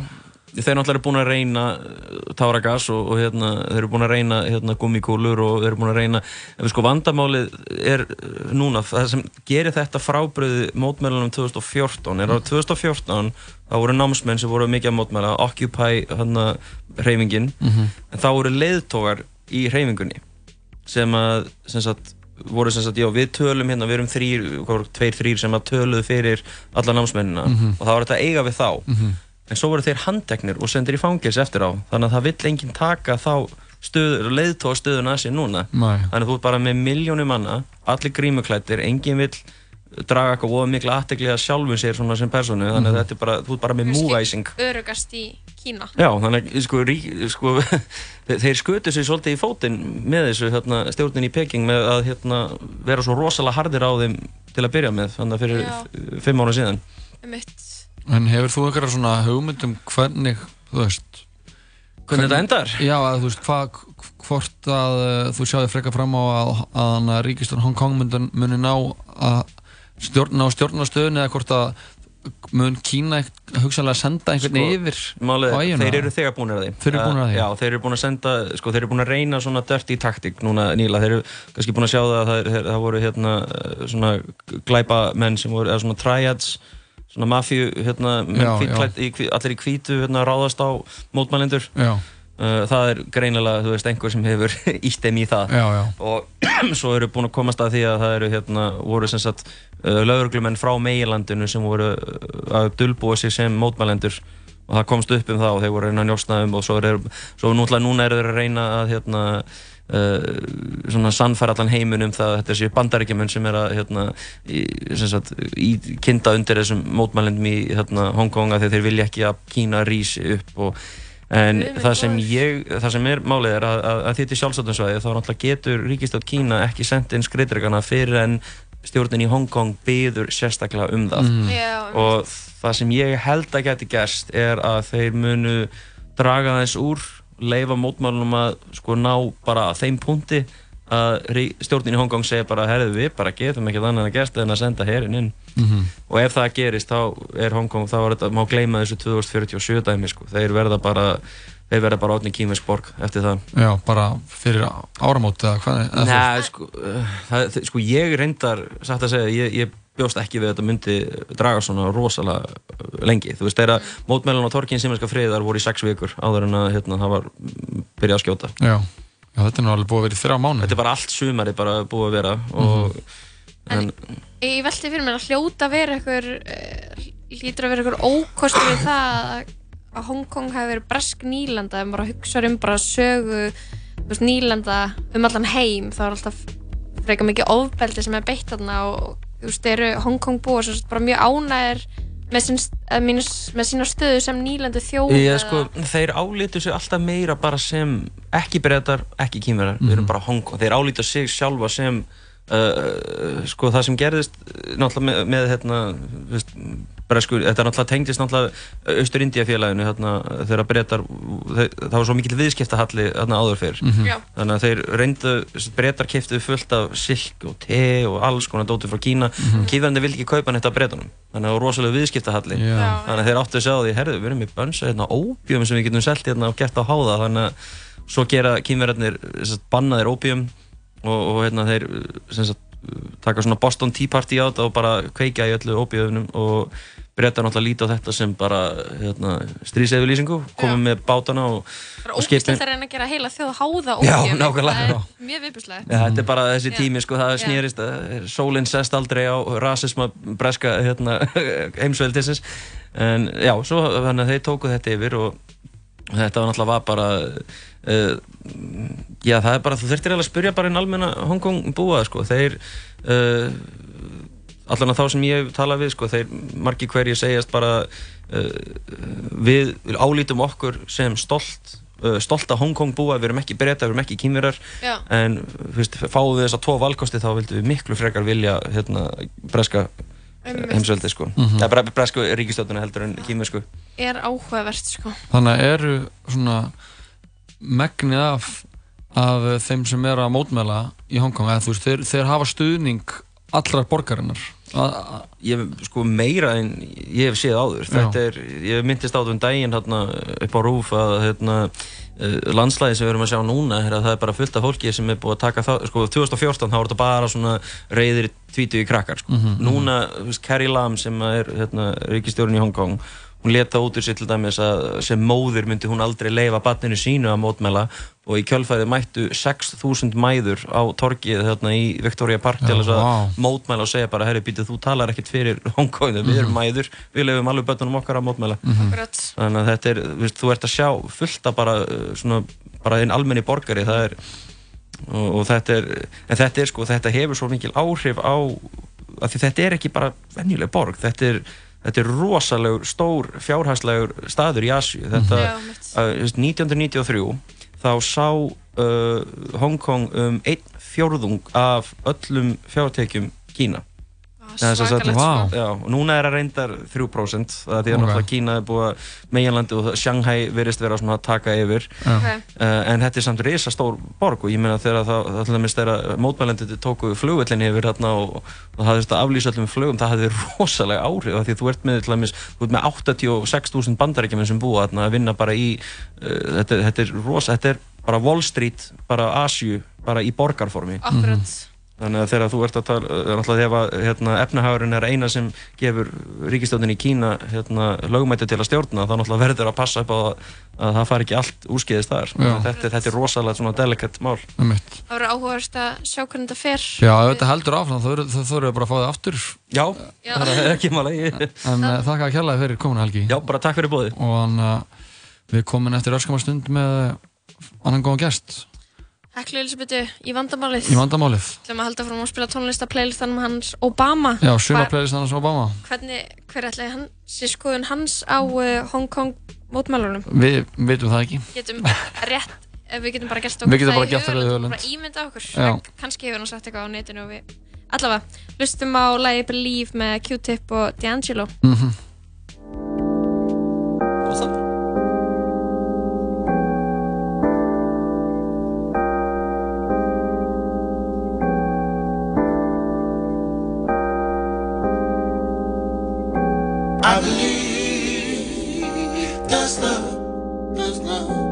I believe that's love. I believe that's love, that's love. I believe that's love.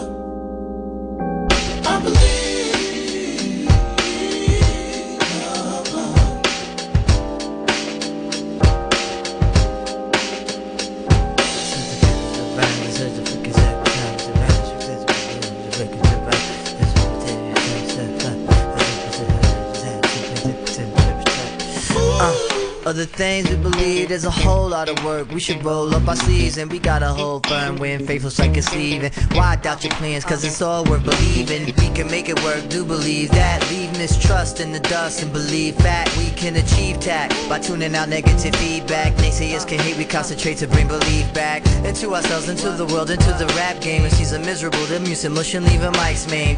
Man, look, we holding out for the truth, but we alone in the loop. We gon' hold for the proof. Man, put it in believe believing, believing, believing. Seeing ain't believing, it's the feeling that we're needing. Believe in each other, put the question to the system. They promise in returns, and question what you're getting. We should believe in the reasons we exist in. Time for renaissance to reawaken what is within. Believe can confirm, make it is what it isn't. Sometimes I wish I had belief when I didn't. I didn't.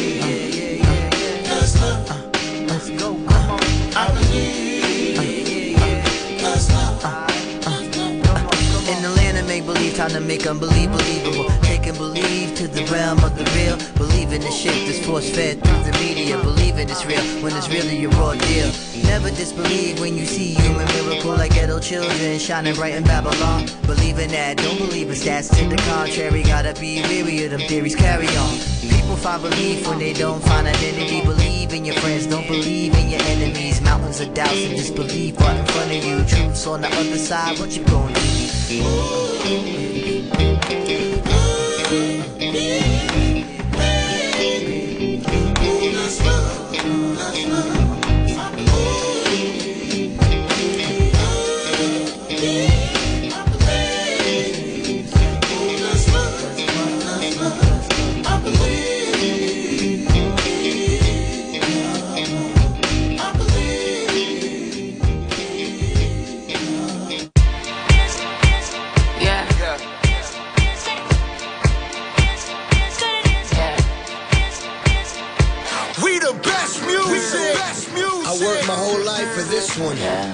Another one, another one, another one, another one.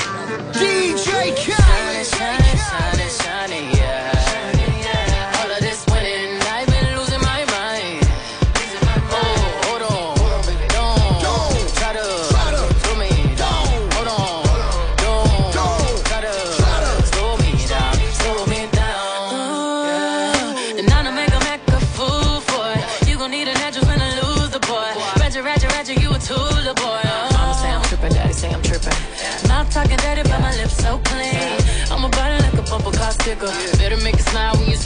Pull up. Pull up. Money don't make me happy, and a fella can't make me fancy. We smiling for a whole nother reason. It's all smiles through our four seasons. Shining, shining, shining. Shining, yeah. All of this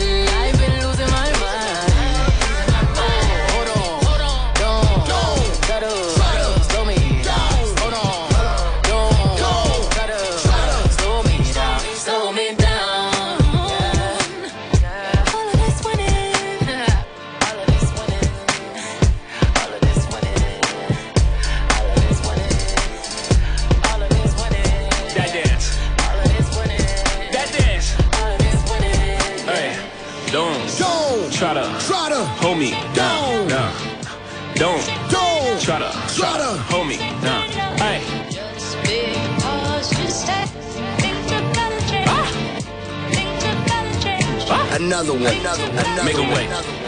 One ain't enough, I need two. That night I mix the ace with the deuce. Hit a triple double in the garden. Hug on my left wrist like I'm Harden. Ran to the dealer, bought twin Mercedes. The European trucks for the twin babies. Don't let me have a son, I'm a fool. Send them to school and all my juice. I want a boy and girl to fight for truth. Whatever God give me, I'm cool. I've been winning so long, it's like alchemy. I've been playing cards with the house money. 21 Grammys, I'm a savage nigga. 21 Grammys, I'm a savage nigga. I should even work back with niggas. 12 solo albums, all platinum, nigga. I know you ain't out here talking numbers right. I know you ain't out here talking summers right. I know you walking around talking down. Saying bullshit when you were running right. Plain Paddock Ben had it. Flooded when I got it from Cali. That was just a thank you for his last year. Next year, gonna have to buy a pallet. Shining. Shining, shining, shining, shining,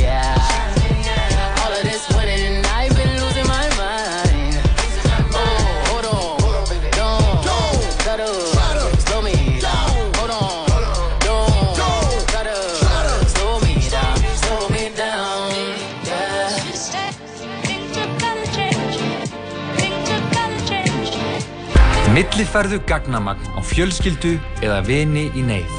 Sambandi. Símafélag framtíðarinnar. Hefur ekkert tíma pælt í því að brunch er bara breakfast og lunch blanda saman? Brunch, allar helgar frá förstu degi til sunnudags. Skál, hlemur matöll. Bræðlaugarnir dansa af gleði. Serrano. Fresh, happy, max. Þú getur hlusta á alla þættina af Tala Saman á Spotify. Já, þeir eru hlustað að tala saman með Jóhanni Kristoffer Lói og uh, Heklu. What? What? Þakklega Elisabeth, þú ert velkomin. Takk. Langt síðan síðast. Já. Hvað erstu búin að vera að Way gera? too long. Hvað erstu búin að vera að gera? Ég er hérna, ég er búin að vera að reyna að fá sixpack. What? Og, í gær þá sá ég í fyrsta skipti móta fyrir því. Oh. Veist, veistu hvað fólk segir við mig þegar ég segist að það fá mig sixpack? Hvað? Það, það horfa allir svona á mig með svona vorkunar augum og bara Babe, þú ert bara ekki með líkams vöxtin í það. Ég fæ Ég- þetta frá öllum. Þú fær svona sixpack, svona sixpack af hrukkum á ennið frekar. Jói, þegið þú. Ég er ekki að tala um því, þetta er á sem milli er mín og sko- heklu. Ég er með svona sama grunn að líkam á Annie Mist, held ég. Við En, en, bara minn svona, kóð. en bara svona 5% of the motivation. Já, já, já. Þannig að þú Heldur þetta sé í alvörinu bara spurningu um motivation Því að ég segi svona, ég hef líka sagt til vinkonum minnar að maður langar í svona líka með eins og Rihanna, söngkonan Já.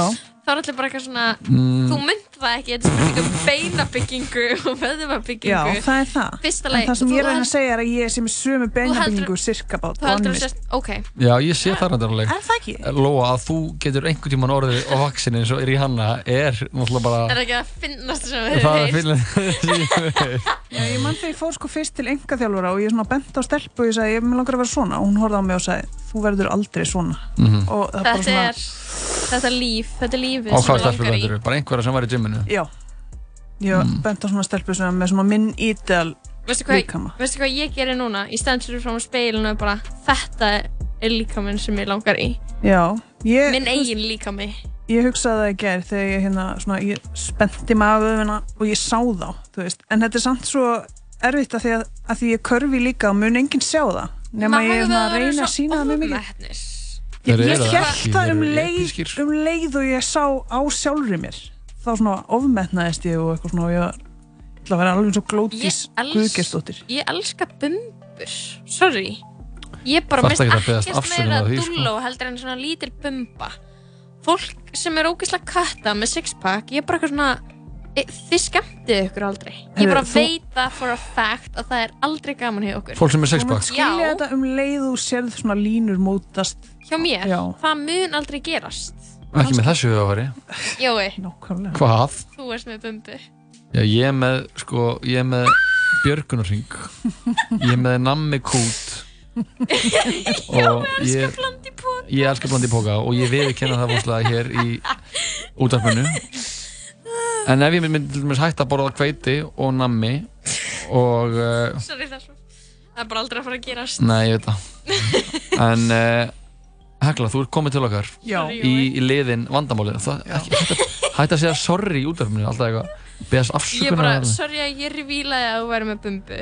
Nei, menn, ég, bara, ég myndi sína hann ef við værum ekki í útvarpi. Það er bara mjög erfitt að- að Ég- koma henni yfir Jóhann til sé bara stoltur af sinni bumbu. Já, Það er búin að hafa mikið fyrir henni Við ættum að vera með podcast, þrjú með bumbu. Já. þrjú með bumbu Og svo bara tölum Þrjú við um með hvað við... bumbu og svona semi-sixpack. Þetta er svona, svo, svo tölum við um svona hvernig, uh, hvaða óþól við höldum að við séum með þann daginn. Mhm. Að ég er búin að vera á ríkalegt bakflöð út af kvítleik. Já, ég er með glúten óþól. Þetta Ok, getur verið þetta svona er samræður. frábær þáttur já, það hljómar eins og leðalegasta spjall í heimi Svona er bara að vera með bumbu. Maður er bara að eiga þessar samræður aftur og aftur út í eilífið. en nóg um það, Sorry. við erum hekla þú ert komin að til okkar í liðin vandamálið. Uh, þegar þú varst þennan síðast reglulegu gestur hjá okkur þá vorum við ekki byrjuð með hennar lið. Nei, og þá vorum við líka morgnana. Einmitt. Nú erum við komin í síðdegið og uh, í staðin fyrir að anna, í staðin fyrir að uh, fara yfir að jú, við, höld, við förum yfir það sama og við gerðum en við, við erum að bæta alltaf í sarpin sko. Og við byrjum með hennan lið vandamálið til þess að uh, bara því fyrir okkur bárust vandamál frá hlustundum Mhm. þáttarins Mhm. sem uh, þú verður bara að leita eftir að við myndum hjálpa þeim að leysa því Treysta mér að jóa. Já, ég veit ekki alveg af hverju fólk vil leita til okkar en það gerir það er bara veikt fólk Já, veikt fólk, en þess vegna fannst okkur svona smá bara til að setja virðingu á þessi vandamál þá uh, reynum við að fá oft einhvern gest til að koma, einhvern lausna meðan gest til að koma og hjálpa okkur að hjálpa þeim. Já. og uh, þá kom engin annar í uh, til greina nema Hekla Elisabeth. Að sjálfsögðu ekki, en það er ég nýkom með sixpack og þar alvegandi uh, með öll verkfærin sem maður þarf til að leysa vandamál annara Já, Það er satt, er maður á treystir meira, fólki með sixpack. Eins og Sorry Björns nýtur greiðalist tröst í samfélaginu. Allavega þú ert með, sam, þú ert með vandamálin. Ég er með vandamálin og uh, ég ætla að lesa fyrst uh, já, fyrra vandamáli við erum með, þetta eru tvö vandamál. Og uh, hefst nú lesturinn Hæ, söp, tala saman. Ég fór í bæinn um helgina og hitti gælu sem ég var skotin í þegar ég var í mentaskóla Ég útskrifaðist senasta vor. Ég er búinn að vera með stelpu í áttamáni og það gengur mjög vel. Ég veit ekki alveg stundum af hverju við erum saman en allt bara flott hjá okkur þannig séð. Hún er sátt, ég er sáttur. Allavega, stelpan sem ég hitt á djamminu sagði við mig að hún hefði líka verið skotin í mér í mentaskóla svo að ég hafði ekki hugmyndu það. Nú er ég komið með efasendir um sambandið mitt því tilfinningar mínar í garð þessara mannesku eru svo sterkar en sambandið, mitt, sambandið einhvern veginn bara fínt. Er það eðlilegt? Á ég að tjekka á henni aftur? Spjalla smá við hana, þú veist, ekki gera neitt? Eða er það andlegt framíhald? Ég veit ekkert hvað ég á að gera. Takk. Vá, þetta er full-blown alvöru vandamál Þetta er alvöru vandamál. Þetta er alvöru vandamál, sko. Ég er að segja það að fólki sem er að hlusta á þátt, það er in pain. Kæra Hversu mikið dilemma? kæra að ég kasta- hugsa til þín. Veist, ætlar að kasta svo lit sambandi út af því að það er eitthvað möguleika á eitthvað sem þú veist ekkert sem hvernig er í praxis, eða skilur við Já, sko, þannig verður ég að vera svolítið ósamála þér, Lóa, vegna þess að, þú veist, ef sambandið, ef þú lýsið þannig að þú veist ekki af hverju þeir eru saman, Já, Og það er líka bara fyrir í gangi átta mánuði og það er bara svona, allir eru gett sáttir. að stundum Emma er bara í sambandi og maður er eitthvað já, þú veist, þetta er bara fínt Veist, veist þú alltaf af hverju þú ert með kærastanum þínum? ég er með svona hundra ástæður. Ó, guð Já. Er þú ekki með neina? Ok, það er var mála. Mér langaði bara að prófa að hafa þögn í Já, útvarpinu. þögn í útvarpinu, upp og allt- frá Já, sko, en það er samt svona að það er mjög flókið að navigata þetta úr þessari stöðu. Mhm. En þú veist, ég myndi bara svona byrja á því að reyna að hugsa um uh, sambandið sem þú ert í sko úr samhengi við möguleikan á sambandi við þessa stelpu sem þú ert búin að vera skotin í. Já, það kemur, það? það, já, það kemur í rauninni það, hans sambandi ekkert við. Þú veist. Er hann að leita útgönguleiða, skiljiði mig? Það- ah, þetta getur verið útgönguleiðin. Það er Já. möguleiki. Það er Eða er hann með Náttúrulega- skuldbindingafælni, skilur við? Það getur líka verið eitthvað vandamál sem þarf að vinna úr. skilurðu. Hann er samt búin að vera í sambandi í átta mánuði. Já. Já, en það er samt ekki það langt. það, nei, því að þá byrjar það bara um að vera eitthvað svona real Mhm. og þá er hann alltaf einu bara stressaður út því að hann getur ekki alltaf einu bara, þú veist, við erum bara með hverju sem er, skilur við. Er ekki nokkrir svona punktar eða nokkrar svona tímasendingar í sambandi þar sem fólk hættir oftar en ekki saman? Jú. Er það ekki eitt og hálft ára eða? Hvað er það, tvö ár, tveggjar um múrin? Uh, ég myndi segja svona eitt og hálft á. Eitt og hálft ár til tvö Já. og síðan aftur eftir svona 5-6 Já, það er talað um the seven year itch. Já, the 7 year itch Hvað er the seven year itch? Það er bara, þú veist, samkvæmt mörgum sem að til dæmis mæla ekki með uh, einkvæni þá hefur samband runni sitt skeið eftir sjö ár af því þið eigi ekkert eftir til að kenna hvort öðru eða hérna þú veist, já, að læra hvort öðru eða um hvort Ég er annar að fá kvíðakast. Já, þetta er bara ein kenning Þetta er bara kenning sem bara hann uh, Darwin setti fram Þið eru Þetta er svona- bæði, þið eru bæði svona mjög hlind þið Já. tvö. Þið Við- eru bæði í við svona erum bæði í langtímasamböndum. Ég meina, ég er, ég er, Jóhann á að- hund. Búið saman, ég er ekkert að segja eitthvað gift, þú ert gift, þú Ég ert gift. trúlofaðir. ég er, en sko, ég er alveg hlindur fjölkvæni fyrir þá sem það virka fyrir Já, sammála. ég, ég per se myndi ekki meika að vera með mikið fleirum en tja, einum Nei, það er, það væri bara hljómar fyrir mér eins og mjög mikil vinna en ég stið algjörlega Já. þá sem að hérna, vilja prófa sig áfram því eins og Dan Bilzerian til dæmis, hann á marga kærustur Já. Já, hann er creep uh, Já. hérna, en sko Þessi, sá þessi sem- gaur, Já, hann er tvítur hann er uh, nei, það- 2021, Já, eða hann, 19. hann var í já, útskrifaði síðasta vor og kannski var, þá getur verið að hann hafi verið í fyrsta árgangnum af uh, þryggjára kjærunu þannig að hann getur verið að hann sé bara 19 ára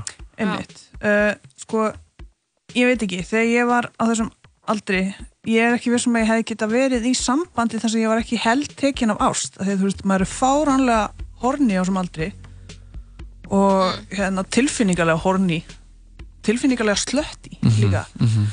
og hérna rétt.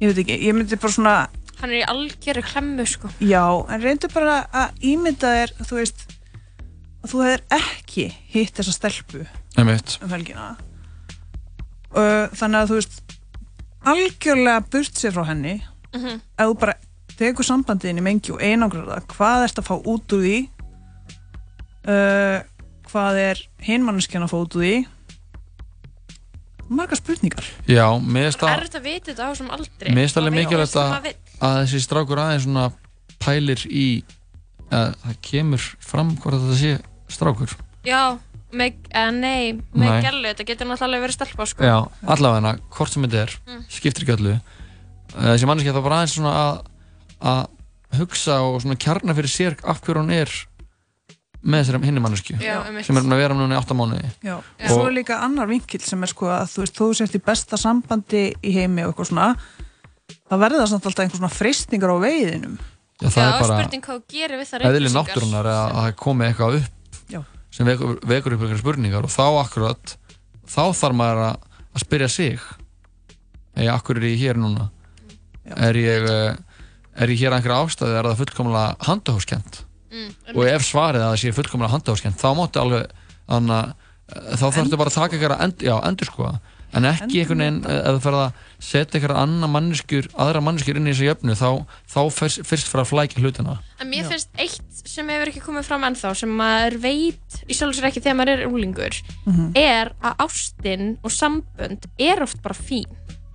Það er oft bara svona medium gaman sérstaklega þau eru búin að vera í gangi á hverju lengi þau eru ekki eins og Hollywood romcom Nei, þetta er ekki það er ekki alltaf Algjörlega. ævintýr og veisla það er bara hverstasleikin það er bara, það er eitthvað partner þarna og það getur oft bara verið skiluru þú veist, leðilegt inn á milli er bara bara- ein- það er það er mjög góð punktur en það er líka, já, þá er hægt að skoða sko, er, er þetta leðilegt bara, er þetta bara búið að vera leðilegt í smástund, er þetta tímabil eða er það alltaf búið að vera leðilegt hef ég aldrei vitað af hverju ég er í þessu sambandi? Mhm. Já, er þetta bara eitthvað sem kom fyrir mig? Já. Þetta eru spurningar sem að við komum til þar að spyrja sig við ætlum að hlusta á eitt en, lag. en býtu, það Sorry. er líka eitt í viðbót sko, mm. því hann Já. spurði hvort hann ætti að tekka á hinni gælunni að hvort Já. það væri andlegt framhjá spjalla smá við hana þú veist, það ekki ekki. gera neitt. Mér finnst það ekki. Mér, mér Mér finnst það ef, ef, að- ef að þú veist ef, ef þínar fyrirætlanir eru eitthvað annað en bara vináta og þú veist að leita út fyrir sambandið þitt Mhm. að einhverju sem að gæti verið eitthvað þá Já. ertu komin á mjög hálan ís ég er sammála haglu Aha. já, Mér finnst það svo basic að spjalla við bara alla um allt já þú ert ekki, ert ekki þú ert að hitta viðkomandi. stelpur sem var skotin í grunnskóla nei, mennskóla og segir síðan við þig á djamminu, ég var skotin í þeir í mentaskóla og þá síðan er þú eitthvað, hei, hvað segir þú þannig að. Veistu um ástandi í Hong Kong? Það er enda smá toxic sko. Ég er alveg sammála því. Já. það er toxic. Já. ég segi að þessi manneskja þurfa aðeins að hana, uh, að hugsa bara. Leggja spilin á borðið. Já, og kannski skrifa þetta nýra á blað. Mhm. þá kannski hana, er auðvitað svona Hún er það náttúrulega í þessu brefi sem hún sendir okkur hérna. Já, Hún skrifa en niður kannski meira svona að gera, gera sjálfum sig grein fyrir ástæðan því, uh, fyrir því hvers vegna uh, viðkomandi er í þessu sambandi. Mhm. Og hvort að það sé eitthvað til staðar í því sem að þá að skoða betur. Mhm. Algjörlega. Við erum að hlusta lag áður en við leysum næsta vandamál. Við erum reynda með Heklu Elisabethu. Við erum að spila lög af uh, sumaplaylistanum hans Obama. Já, Það er komið af henni Sissu bestu okkar. Sissa tískuhús. Hún fekk mikla spilun í ekki hvítahúsinu en hvar sem þau eru stött. Svarta Obama húsinu. hjónin maður spyr sig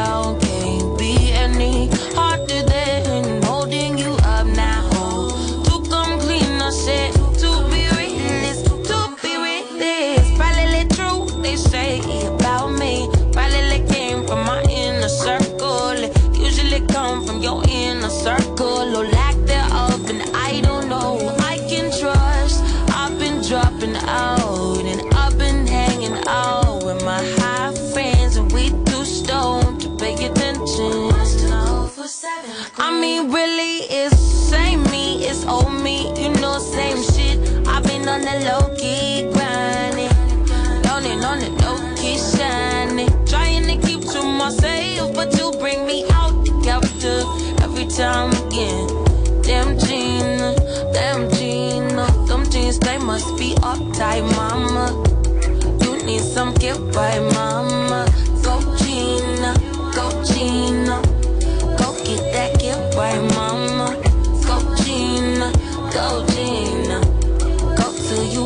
You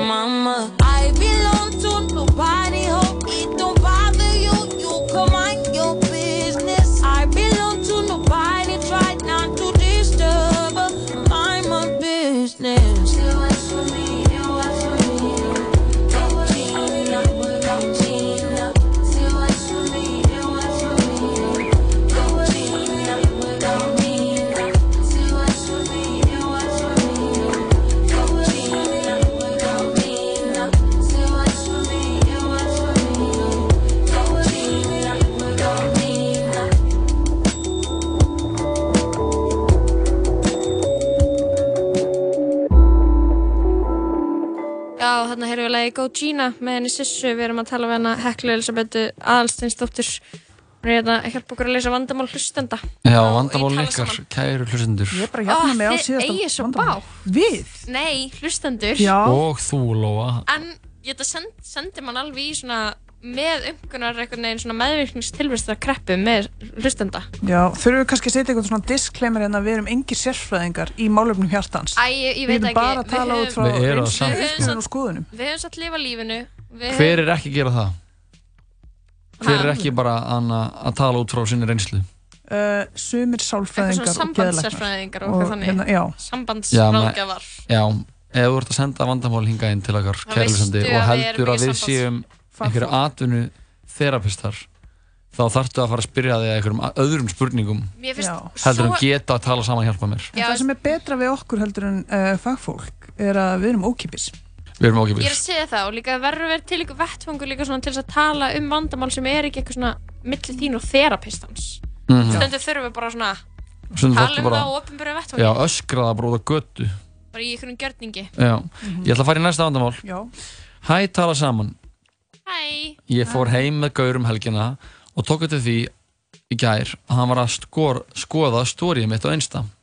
Ég followa hann tilbaka án þess að hugsa mikið út í það. Núna, sólarring síðar, hefur hann ekki followað tilbaka. Er skrítið að ég sé smá pissed off út af því? Er þetta dick move? Takk, nafnlaust. Ég myndi halda að þetta væri dick move. Já, ég veit það ekki sko, er þetta ekki bara basic?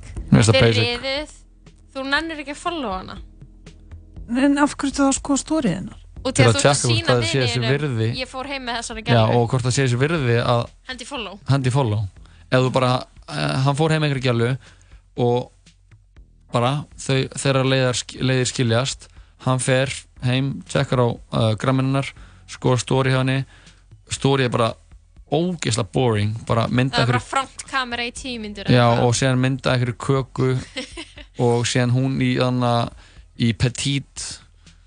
Hún er að vinna í petit. Jói, Jói, og Jói, Nei, ég, ég anna, e- eitthvað svona, þú veist, ég skil alveg að ég skoða alveg stóri sem ég fólki sem er ekki að followa af því að Þetta er meira svona, ó, þetta er meira kannski svona taktlust. Það er ekki mér finnst þetta bara að vera fullkomlega löglegt, það er internetið, þú mátt alveg skoða sem þú vilt á internet- internetinu.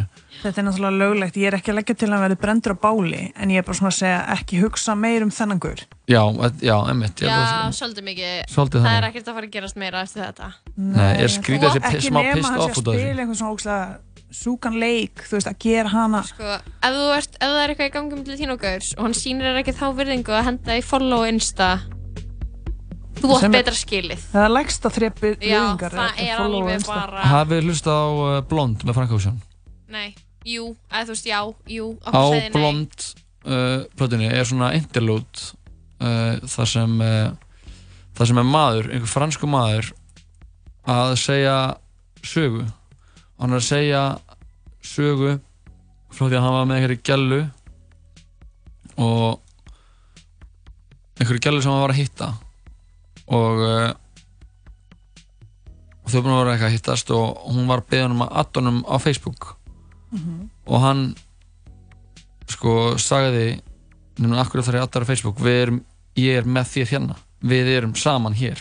Af hverju þarf að vera eitthvað svona eitthvað stafrænt stafræn uh,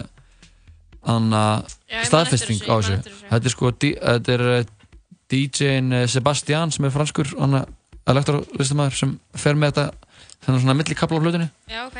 Og mér finnst þetta bara geggja, þetta er geggja valid hún sagði bara hana, ég ætla að vitna í þetta hún sagði uh, accept me on Facebook. Og hún segir uh, en hann segir so I, I'm in front of you. I don't need to accept you on Facebook. Og sem segir she started to be crazy. She thought that because I didn't accept her she thought I was cheating. So she told me like it's over. I can't believe you. I said come on you're crazy. Because like yeah I'm in front of you. I'm every day here in your house. Já. ef þið pælið í þessu? Já, það já. er alveg til í þessu En þetta er sko. er svo mikil ofur einföldin á því sem að þú veist samskipti eru bara já, hvað ég er með þig núna í, en ég vil samt ekki hafa það á samfélagsmiðlum en af hverju samt svona geðveikt óþólandi típa þó þetta sé vissulega sjónarmið. Þetta er svona, we don't have eitthvað, wifi eh. here, we talk típa Act like it's 1995. Mm, mér finnst samt að þetta getur verið að þetta sé einföldun á, á samskiptum en uh, ég held að það sé kannski frekar að samskiptamiðlar og allt þetta dressl séu þú veist flækja flæking Já, á samskiptum, á Það er- samskiptum. Það er 100% þannig. en mér, finnst þessi manneskja þessi gjalla eða gaur eiga bara algjörlega að slæta á þessa mannesku en að gaur sem var ekki að followa sér tilbaka Það er náttúrulega valið að vera pissed off sko.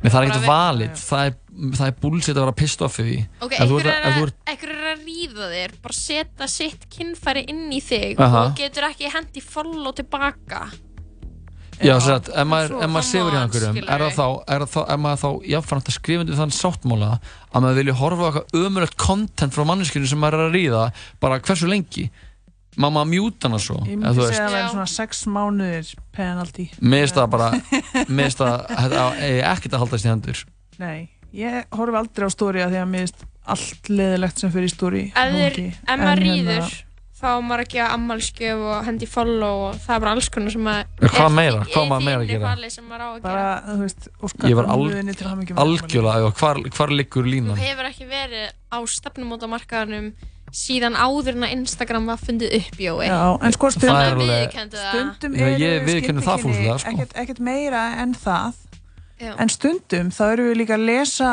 hluti í hérna, það hvernig aðrir eiga samskipti einhverjum svona meiningar sem er einhvern veginn til staðar. Já, út frá því sem maður sjálfur og kannski maður segja eins gera. ofta Já, og úriki og, ég held að það sé mjög mikið vandamálið sko. Já, af því þú getur ekki einhvern veginn séð neitt frá sjónarhornin eins nema þín þannig að þú einhvern veginn Mm. yfirfærir uh, þínar gjörðir og svona þínar tilfinningar yfir á aðra. Það heitir að projekta. Já, og það Að er ekki alltaf sniðut Nei. að varpa, já oh, Ég vildi bara að allir myndu bara hætta að reyna að deyta, skilur við Mm, Það væri svo já, einfalt. það væri svo einfalt. Já. Og við myndum bara Við myndum bara taka upp, allir myndu bara taka upp eikinheið já, Já, þetta var að- Þetta skemmtilega eru lokaorðin mannesku það hvað sér ég Það er bara skilabóð til manneskuna sem hafa þetta vandamál. Er bara, svarið er bara glimtu öllu sem þú heldur að þú veitir um Já. Samskipti kynjanna. samskipti kynjana Já. menn eru frá Mars Nei, konur nei, eru frá nei, nei. Venus. Við skulum ekki fara þanga Menn Hekla, eru úr raskatum, menn fæðast í gegnum Einmitt. Konur kom út úr naflanum. Og Hekla, þú hjálpaður okkur að hjálpa þessum eh, tínd, þessum tíndu sálum sem hlusta á hana þátt. Ég vona það.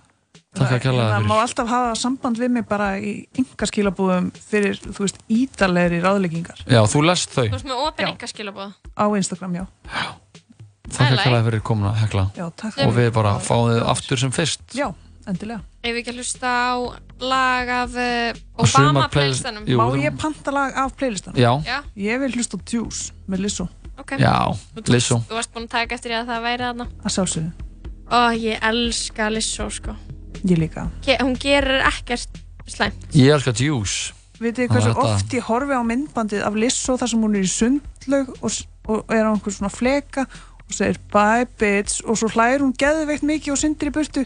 Ég horfa það oft á dag, bara Já. alltaf ef ég er reið þá verð ég bara að horfa á þetta myndband Þetta er geggja við fólk hlustum þetta geta grafið þetta upp á, á Twitter held ég, ekki? Twitter rétt. hennar hennar Lizzo. Við ætlum að hlusta að lagi Juice. Heldur betur.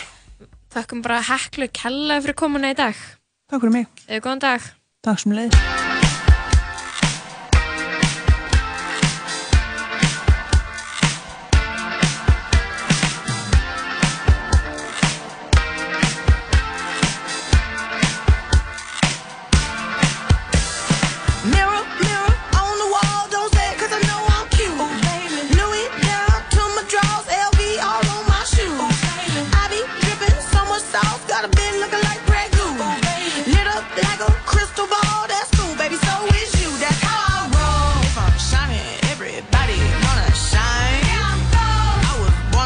don't even gotta try.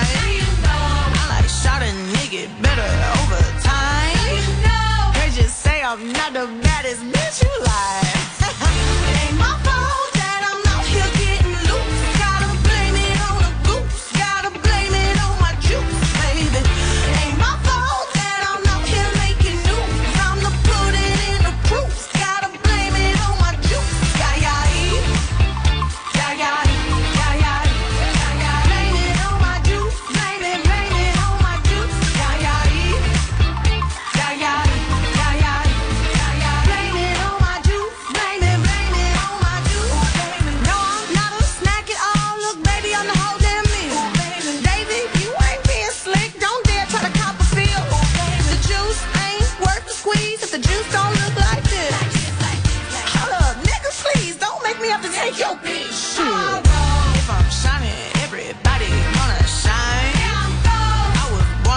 don't.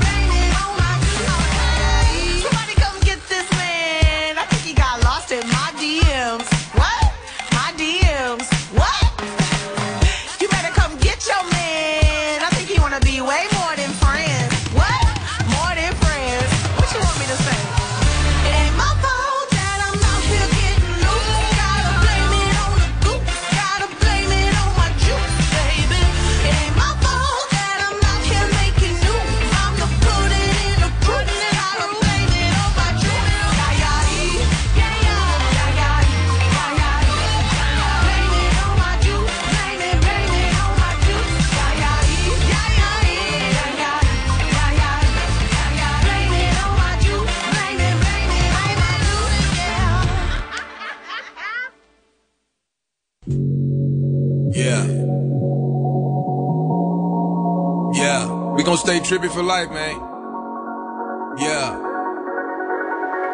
I'm about to take your girl. Check it.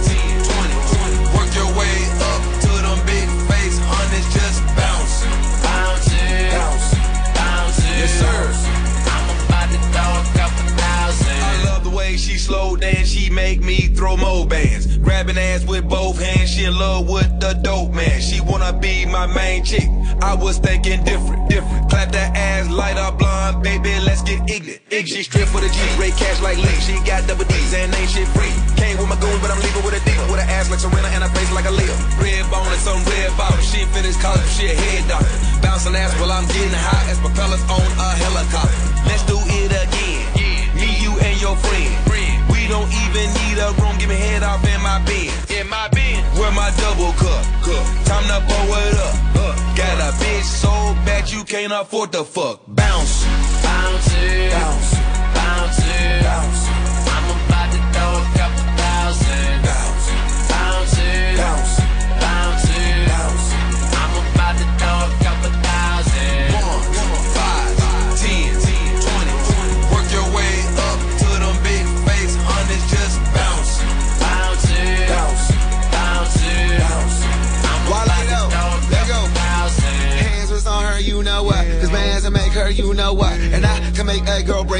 break fast my pants beyond that too much lunch. And I'm by whatever, baby. Take a photo, I'm looking good. And these breezes is so beneath you. Understand you're misunderstood. Premium level goods, we pay whatever for it. Over these pussy niggas, only under influence. So a buck up, then a back out like that. Roll a pack out, take a light hit, might nap. Got a big bitch with a sugar stick, I'm smacking a bucket. Probably nothing but pat. Ball head, scallywag. Real niggas salute me.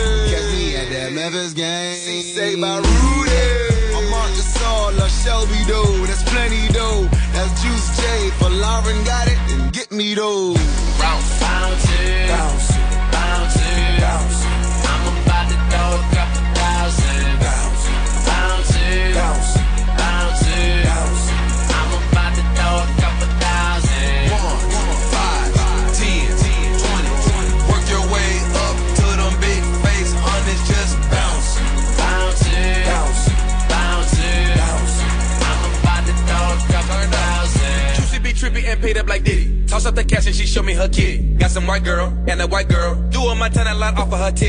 Tryna fuck, I just found a replacement. Feeling so global, I think I need Asian. Ratchet on deck and they know I'm gon' stun. I'm tryna get hit while smoking a blunt. Take it to my hotel, beat the pussy up. I don't know her name, but I wanna fuck. Alone came Molly, then came Doobie, then codeine in a styrofoam cup. See me in the club, bands pop, they poppin'. Do it real good, might take you shopping. All these rats can't fit in my pocket. Keep that sack, 100k in the stocking. stocking. Then it's back to my room, she come out of. Slob on my knob, think you know the rest. I don't buy these bras, Nikes, but I keep these girls in check. Working for that money, bitch, you gon' have to break a sweat. Bounce, Bouncing, bouncing, bouncing, bouncing. I'm about to throw a couple thousand. Thousand. Bouncing, bouncing, bouncing, bouncing. I'm about to throw a couple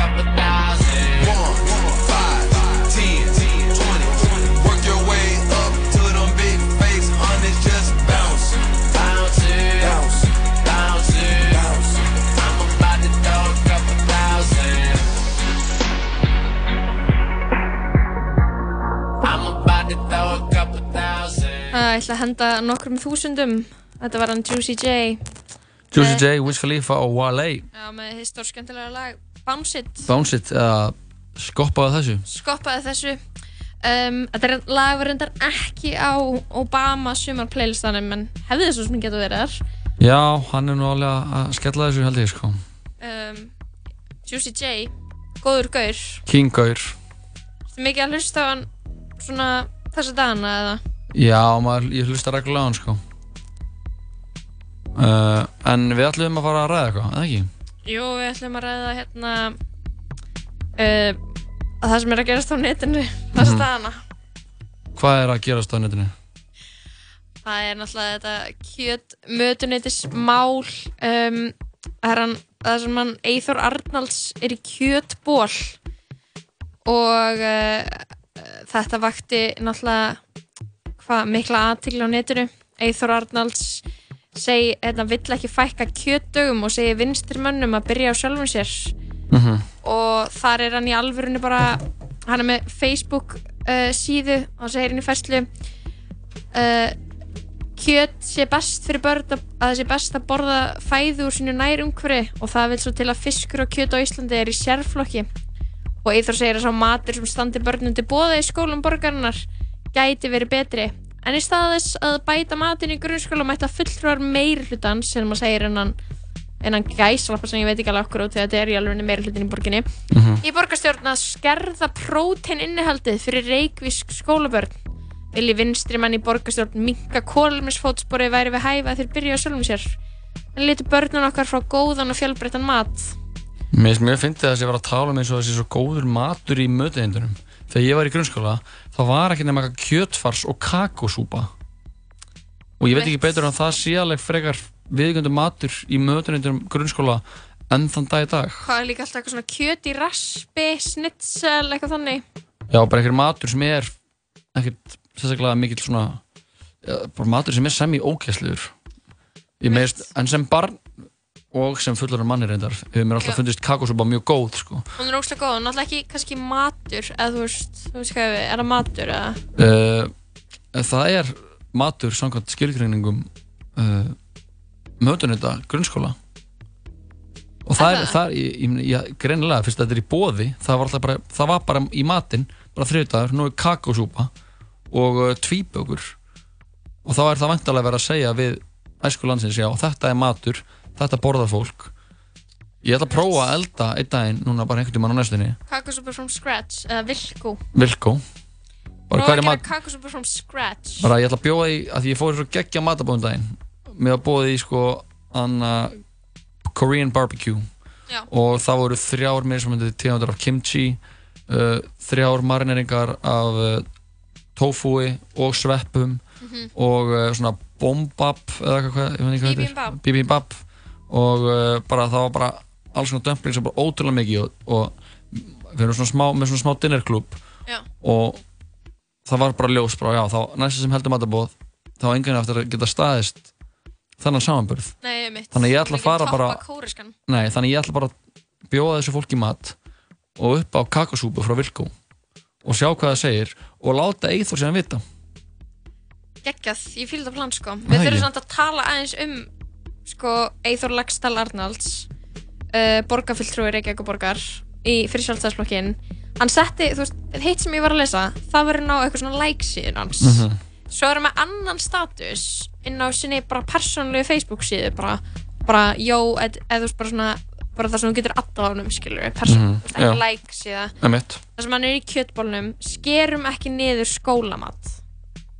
Pössum frekar að börnir fái hotlan og fjölbreytta mat og prótín eins og þau þurfa þannig er aðeins meira líðskrum heldur en kannski á eins og- Líðskrum, essin hvað er líðskrum? Lýðskrum er, þú veist, þegar þú segir eitthvað sem er bara gert til þess að vekja upp eitthvað svona, aaa, eitthvað viðbröð frá liðnum eða svona, hvað ég við, eitthvað svona pólitíski frasar og dæmi sem byggist ekkert endilega á staðrindum Nei. heldur, er eitthvað svona, einhverju hræðslu þá kannski bara frekar eða svona, á, eða svona að, hann að, að frekar reyna að vekja upp eitthvað tilfinningarlega viðbröð hjá, hjá, uh, hjá fólki frekar en að, að já, Á ígrundaðri- þetta er, er eitthvað svona, höfða til eitthvað svona tilfinninga. Þannig að þú veist, ekkert því sem hann segir en í svona status er satt. Þetta er meira bara svona að búa til hræðslu og fólki að þessi í alvörinu vera að skera niður mat hjá börnum. Já. og þau í alvörinu mun ekki fá nóg prótín. Eða skilur það er það sem hann er að gera í þessum status. Og maður er eitthvað, þú, þú veist þetta er ekki satt og þú veist, ef þú, ef þú hefur eitthvað fylgst með og veistu að það er fyllt af prótín í grammeti Mhm. og bara grammetsmatur er bara mun hotlari skilur við ég er hotlara að borða salat en að borða íslensk lambakjött já, á kvæliti af hverju heldur að það sé bara verið að fara að bjóða upp á salat og salat, ertu bara að tala um kálblöð úr garðinu með þetta að tala bara salat sem bara grammiti bara getur verið, þú veist Ég er að tala og um, og nei, ég er að og tala bara um Salatblað. salatblað og gúrku. Það er ekki næ, næring að borða það. Nei, Jói, Já. þér fyrir þetta innlegg Við getum lokið þessari umfyllun á þessum nótum Já, við ætlum að hlusta á þetta lag áður en við fyrir að draga hana þátt saman. Uh, við ætlum að fáum, þú svindlaðir, þú spilaði síðasta lag sem, sem þú spilaði var ekki af playlistunum hans, hans uh, Obama. Do you blame me? Herru, hlustum á Two Chainz uh, og Ty Dolla Sign, lagið It's a Vibe. Er það á playlistanum? Það er á playlistanum. Hann, hann er með geggjú lögur sem playlista, þú þarf bara aðeins að expand your mind, opna hugan, lofa, og kannski prófa að borða uh, Kjöt svínakjött frekar en eintóma, agurku og löfblöð Þér fyrir þetta, Jói Yeah. yeah. Whoa. That's a vibe. She wanna vibe. That's a vibe. Yeah. Uh, that's a vibe. It's a vibe. That's a vibe. Yeah. Yeah. Uh, that's a vibe. It's a vibe. And that's a vibe. Yeah. That's a vibe. She wanna vibe. That's a vibe. Yeah. Yeah. Yeah. that's a vibe. She wanna vibe. That's a vibe. It's a vibe, yeah, yeah. Late night. Oh, it's a vibe. Let me slide. Oh, it's a vibe, yeah, yeah. Dim the lights. It's a vibe, yeah. Get high. It's a vibe. Oh, it's a vibe, yeah. It's a vibe, don't you lie. Your pussy dripping, gushing, dripping down your thighs. It's a vibe, get high, digging deep while I'm looking in your eyes. Vibe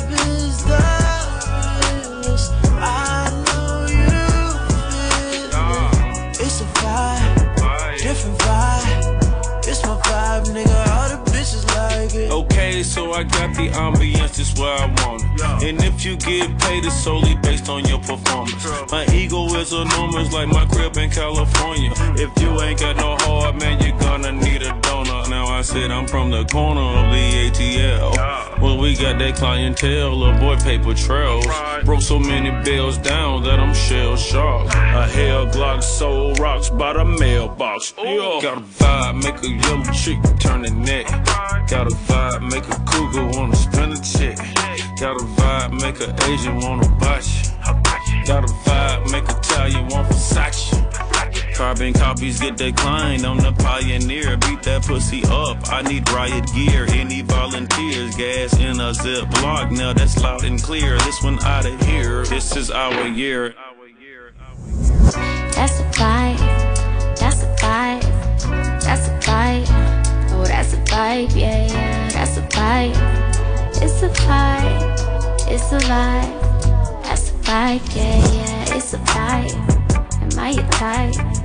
Pussy tight. Maybe I'll spend the night. Yeah, yeah. That's a vibe. What's it? What's it like? That's the type of shit I like. Yeah, yeah. That's a vibe. It's a vibe. That's a vibe. Oh, it's a vibe, yeah, yeah.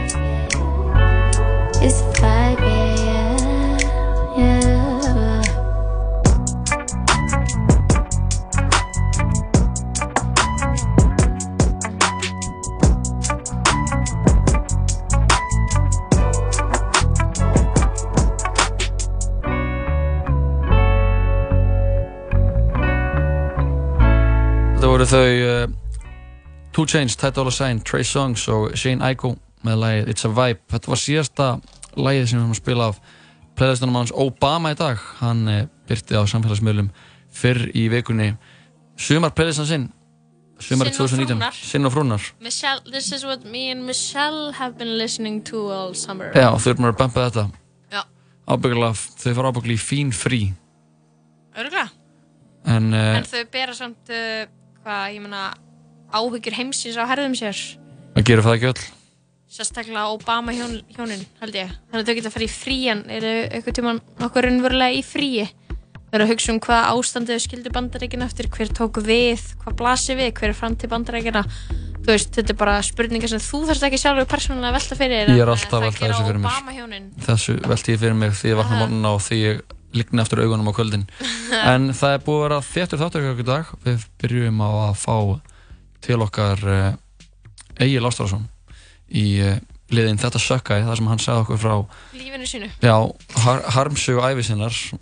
Uh, þriði þáttur í þeirri harmsögu og það mun vera svona serja við munum taka saman uh, leðlu aðtökinu lífans Egils Mhm. hann er uh, góðvinni stöðurinnar um, eftir það heitum við hérna Sigriði úr ungmennraði UN Women og samt Unur Skram sem mun ymmið koma fram á tónleikunum styrta tónleikar UN Women sem verða Já. haldnir í Hard Rock Sýrinur heitir, það- heit, heit, Já, heita tónleikanir, það er Sýrinur. að finna ívendinn og það er að bóka miða og, og við hvernig bara flest til að mæta Já, þetta er á fimmtu daginn einvala lið íslenskra tónlistakvenna á Hard Rock Café, kjallarum þar. Það er dó- góðu tónleikastæður. Já, fýtt tónleikastæður held ég Ég held Og bara síðan- ekkert klikki þar sko Ekkert klikk þar. Næst fengum við til okkar Helga Steinar Gunnlaugsson sem uh, sagði okkur frá ásandinni í Hong Kong sem uh, við, það var bara mjög fræðandi að fá að heyra hvað var að gerast í uh, þessu, þessu stóru borg, fjölmennu borg. Eyjunni sem að einhver staðar mitt á milli Breitlands og, og Kína eða Mhm. ekki landfræðilega en svona hugmyndafræðilega og hann alveg bara útskýrði þetta fyrir okkur í þauðlega og við mælum með að fólk, uh, að það hefur áhuga þessu, þá er þetta hlusta þáttinn í okkur Spotify þannig þetta hangaðin eða líka þetta hlusta ný, nýtt podcast sem var að byrja á, uh, hjá, á vegum Rúf sem heitir Heimskviður, þar sem hann fór líka, það er mjög fróðilegt að Það er eitthvað svona erlenda frettadeildin á, á nei á RÚF í samstarfi með Rás 1 Mhm. og saman er að f- búa til heimskveður það er allt, allt sem gerist ekki á Íslandi Emitt, og svo Ég er að að fíla lokum það í botn. Fengum við til okkar hann Heklu, Heklu Elisabethu aðalsindlótur sem uh, kom í liðin vandamálið, þar sem Já. við listum vandamál tvekja hlustunda þáttarins. Og við minnum á að hægt er að senda á joey at 101.live eða loa at 101.live vandamál, það þarf ekki að það verður ekki tekið fram nafn einstaklingsins. Nei, Þannig að þið viljið hjálp frá okkur við að leysa ykkar sárustu vandamál þá erum við hér til staðar fyrir ykkur kærulustundur en eh, við erum ofta að tala, hérna, tala saman sama tíma á morgun. Já, þá er ég hérna með Byrnu Maríu. Já, ég er ekki hérna á morgun. Fyrir góðu gamni. Fyrir góðu gamni. Við þakkum bara að kella fyrir hlustunina í dag. Það var góð hlustun, góð þögn Já, já, við myndum algjörlega fyrir því kærulustundur að þið voruð, voruð að hlusta á þáttinn. Mhm. þið voruð ekki eitthvað að, að, gam, að gjamma það. En eh, við, ég kem aftur á fimmtudaginn þú er hérna á morgun loga Ég tala saman, þangað til þá segjum við bara uh, góða nótt. Góða nótt sko. Ok, Heru, góða nótt. Góða nótt og bless.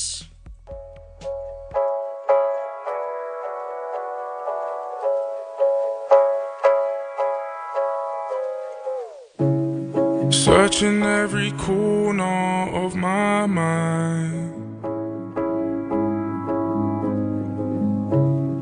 Looking for the answers I can't find. I have my reasons and life has its lessons. I try to be grateful and count all my blessings, but heavy is the head that wears the crown.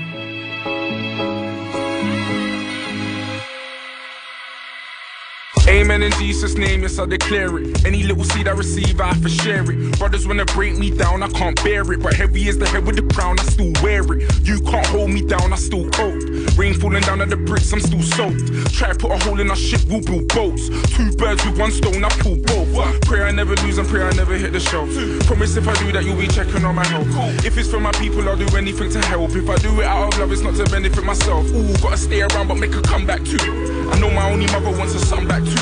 They're saying I'm the voice of the young black youth, and then I say, yeah, cool, and then I buy my zoo, and now I'm searching every corner of my mind. Search every corner, look for the answers. Looking for the answers I can't find. No, I can find them. No silver lining. I have my reasons. Life has its lessons. Try to be grateful count all my blessings. But heavy is the head that wears the crown.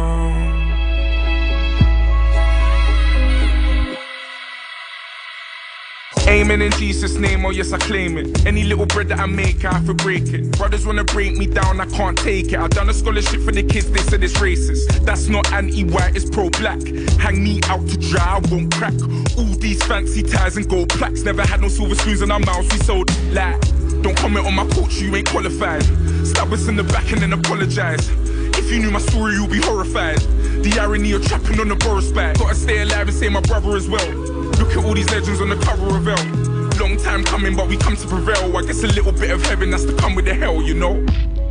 Searching every corner of my mind. Search every corner, look for the answers.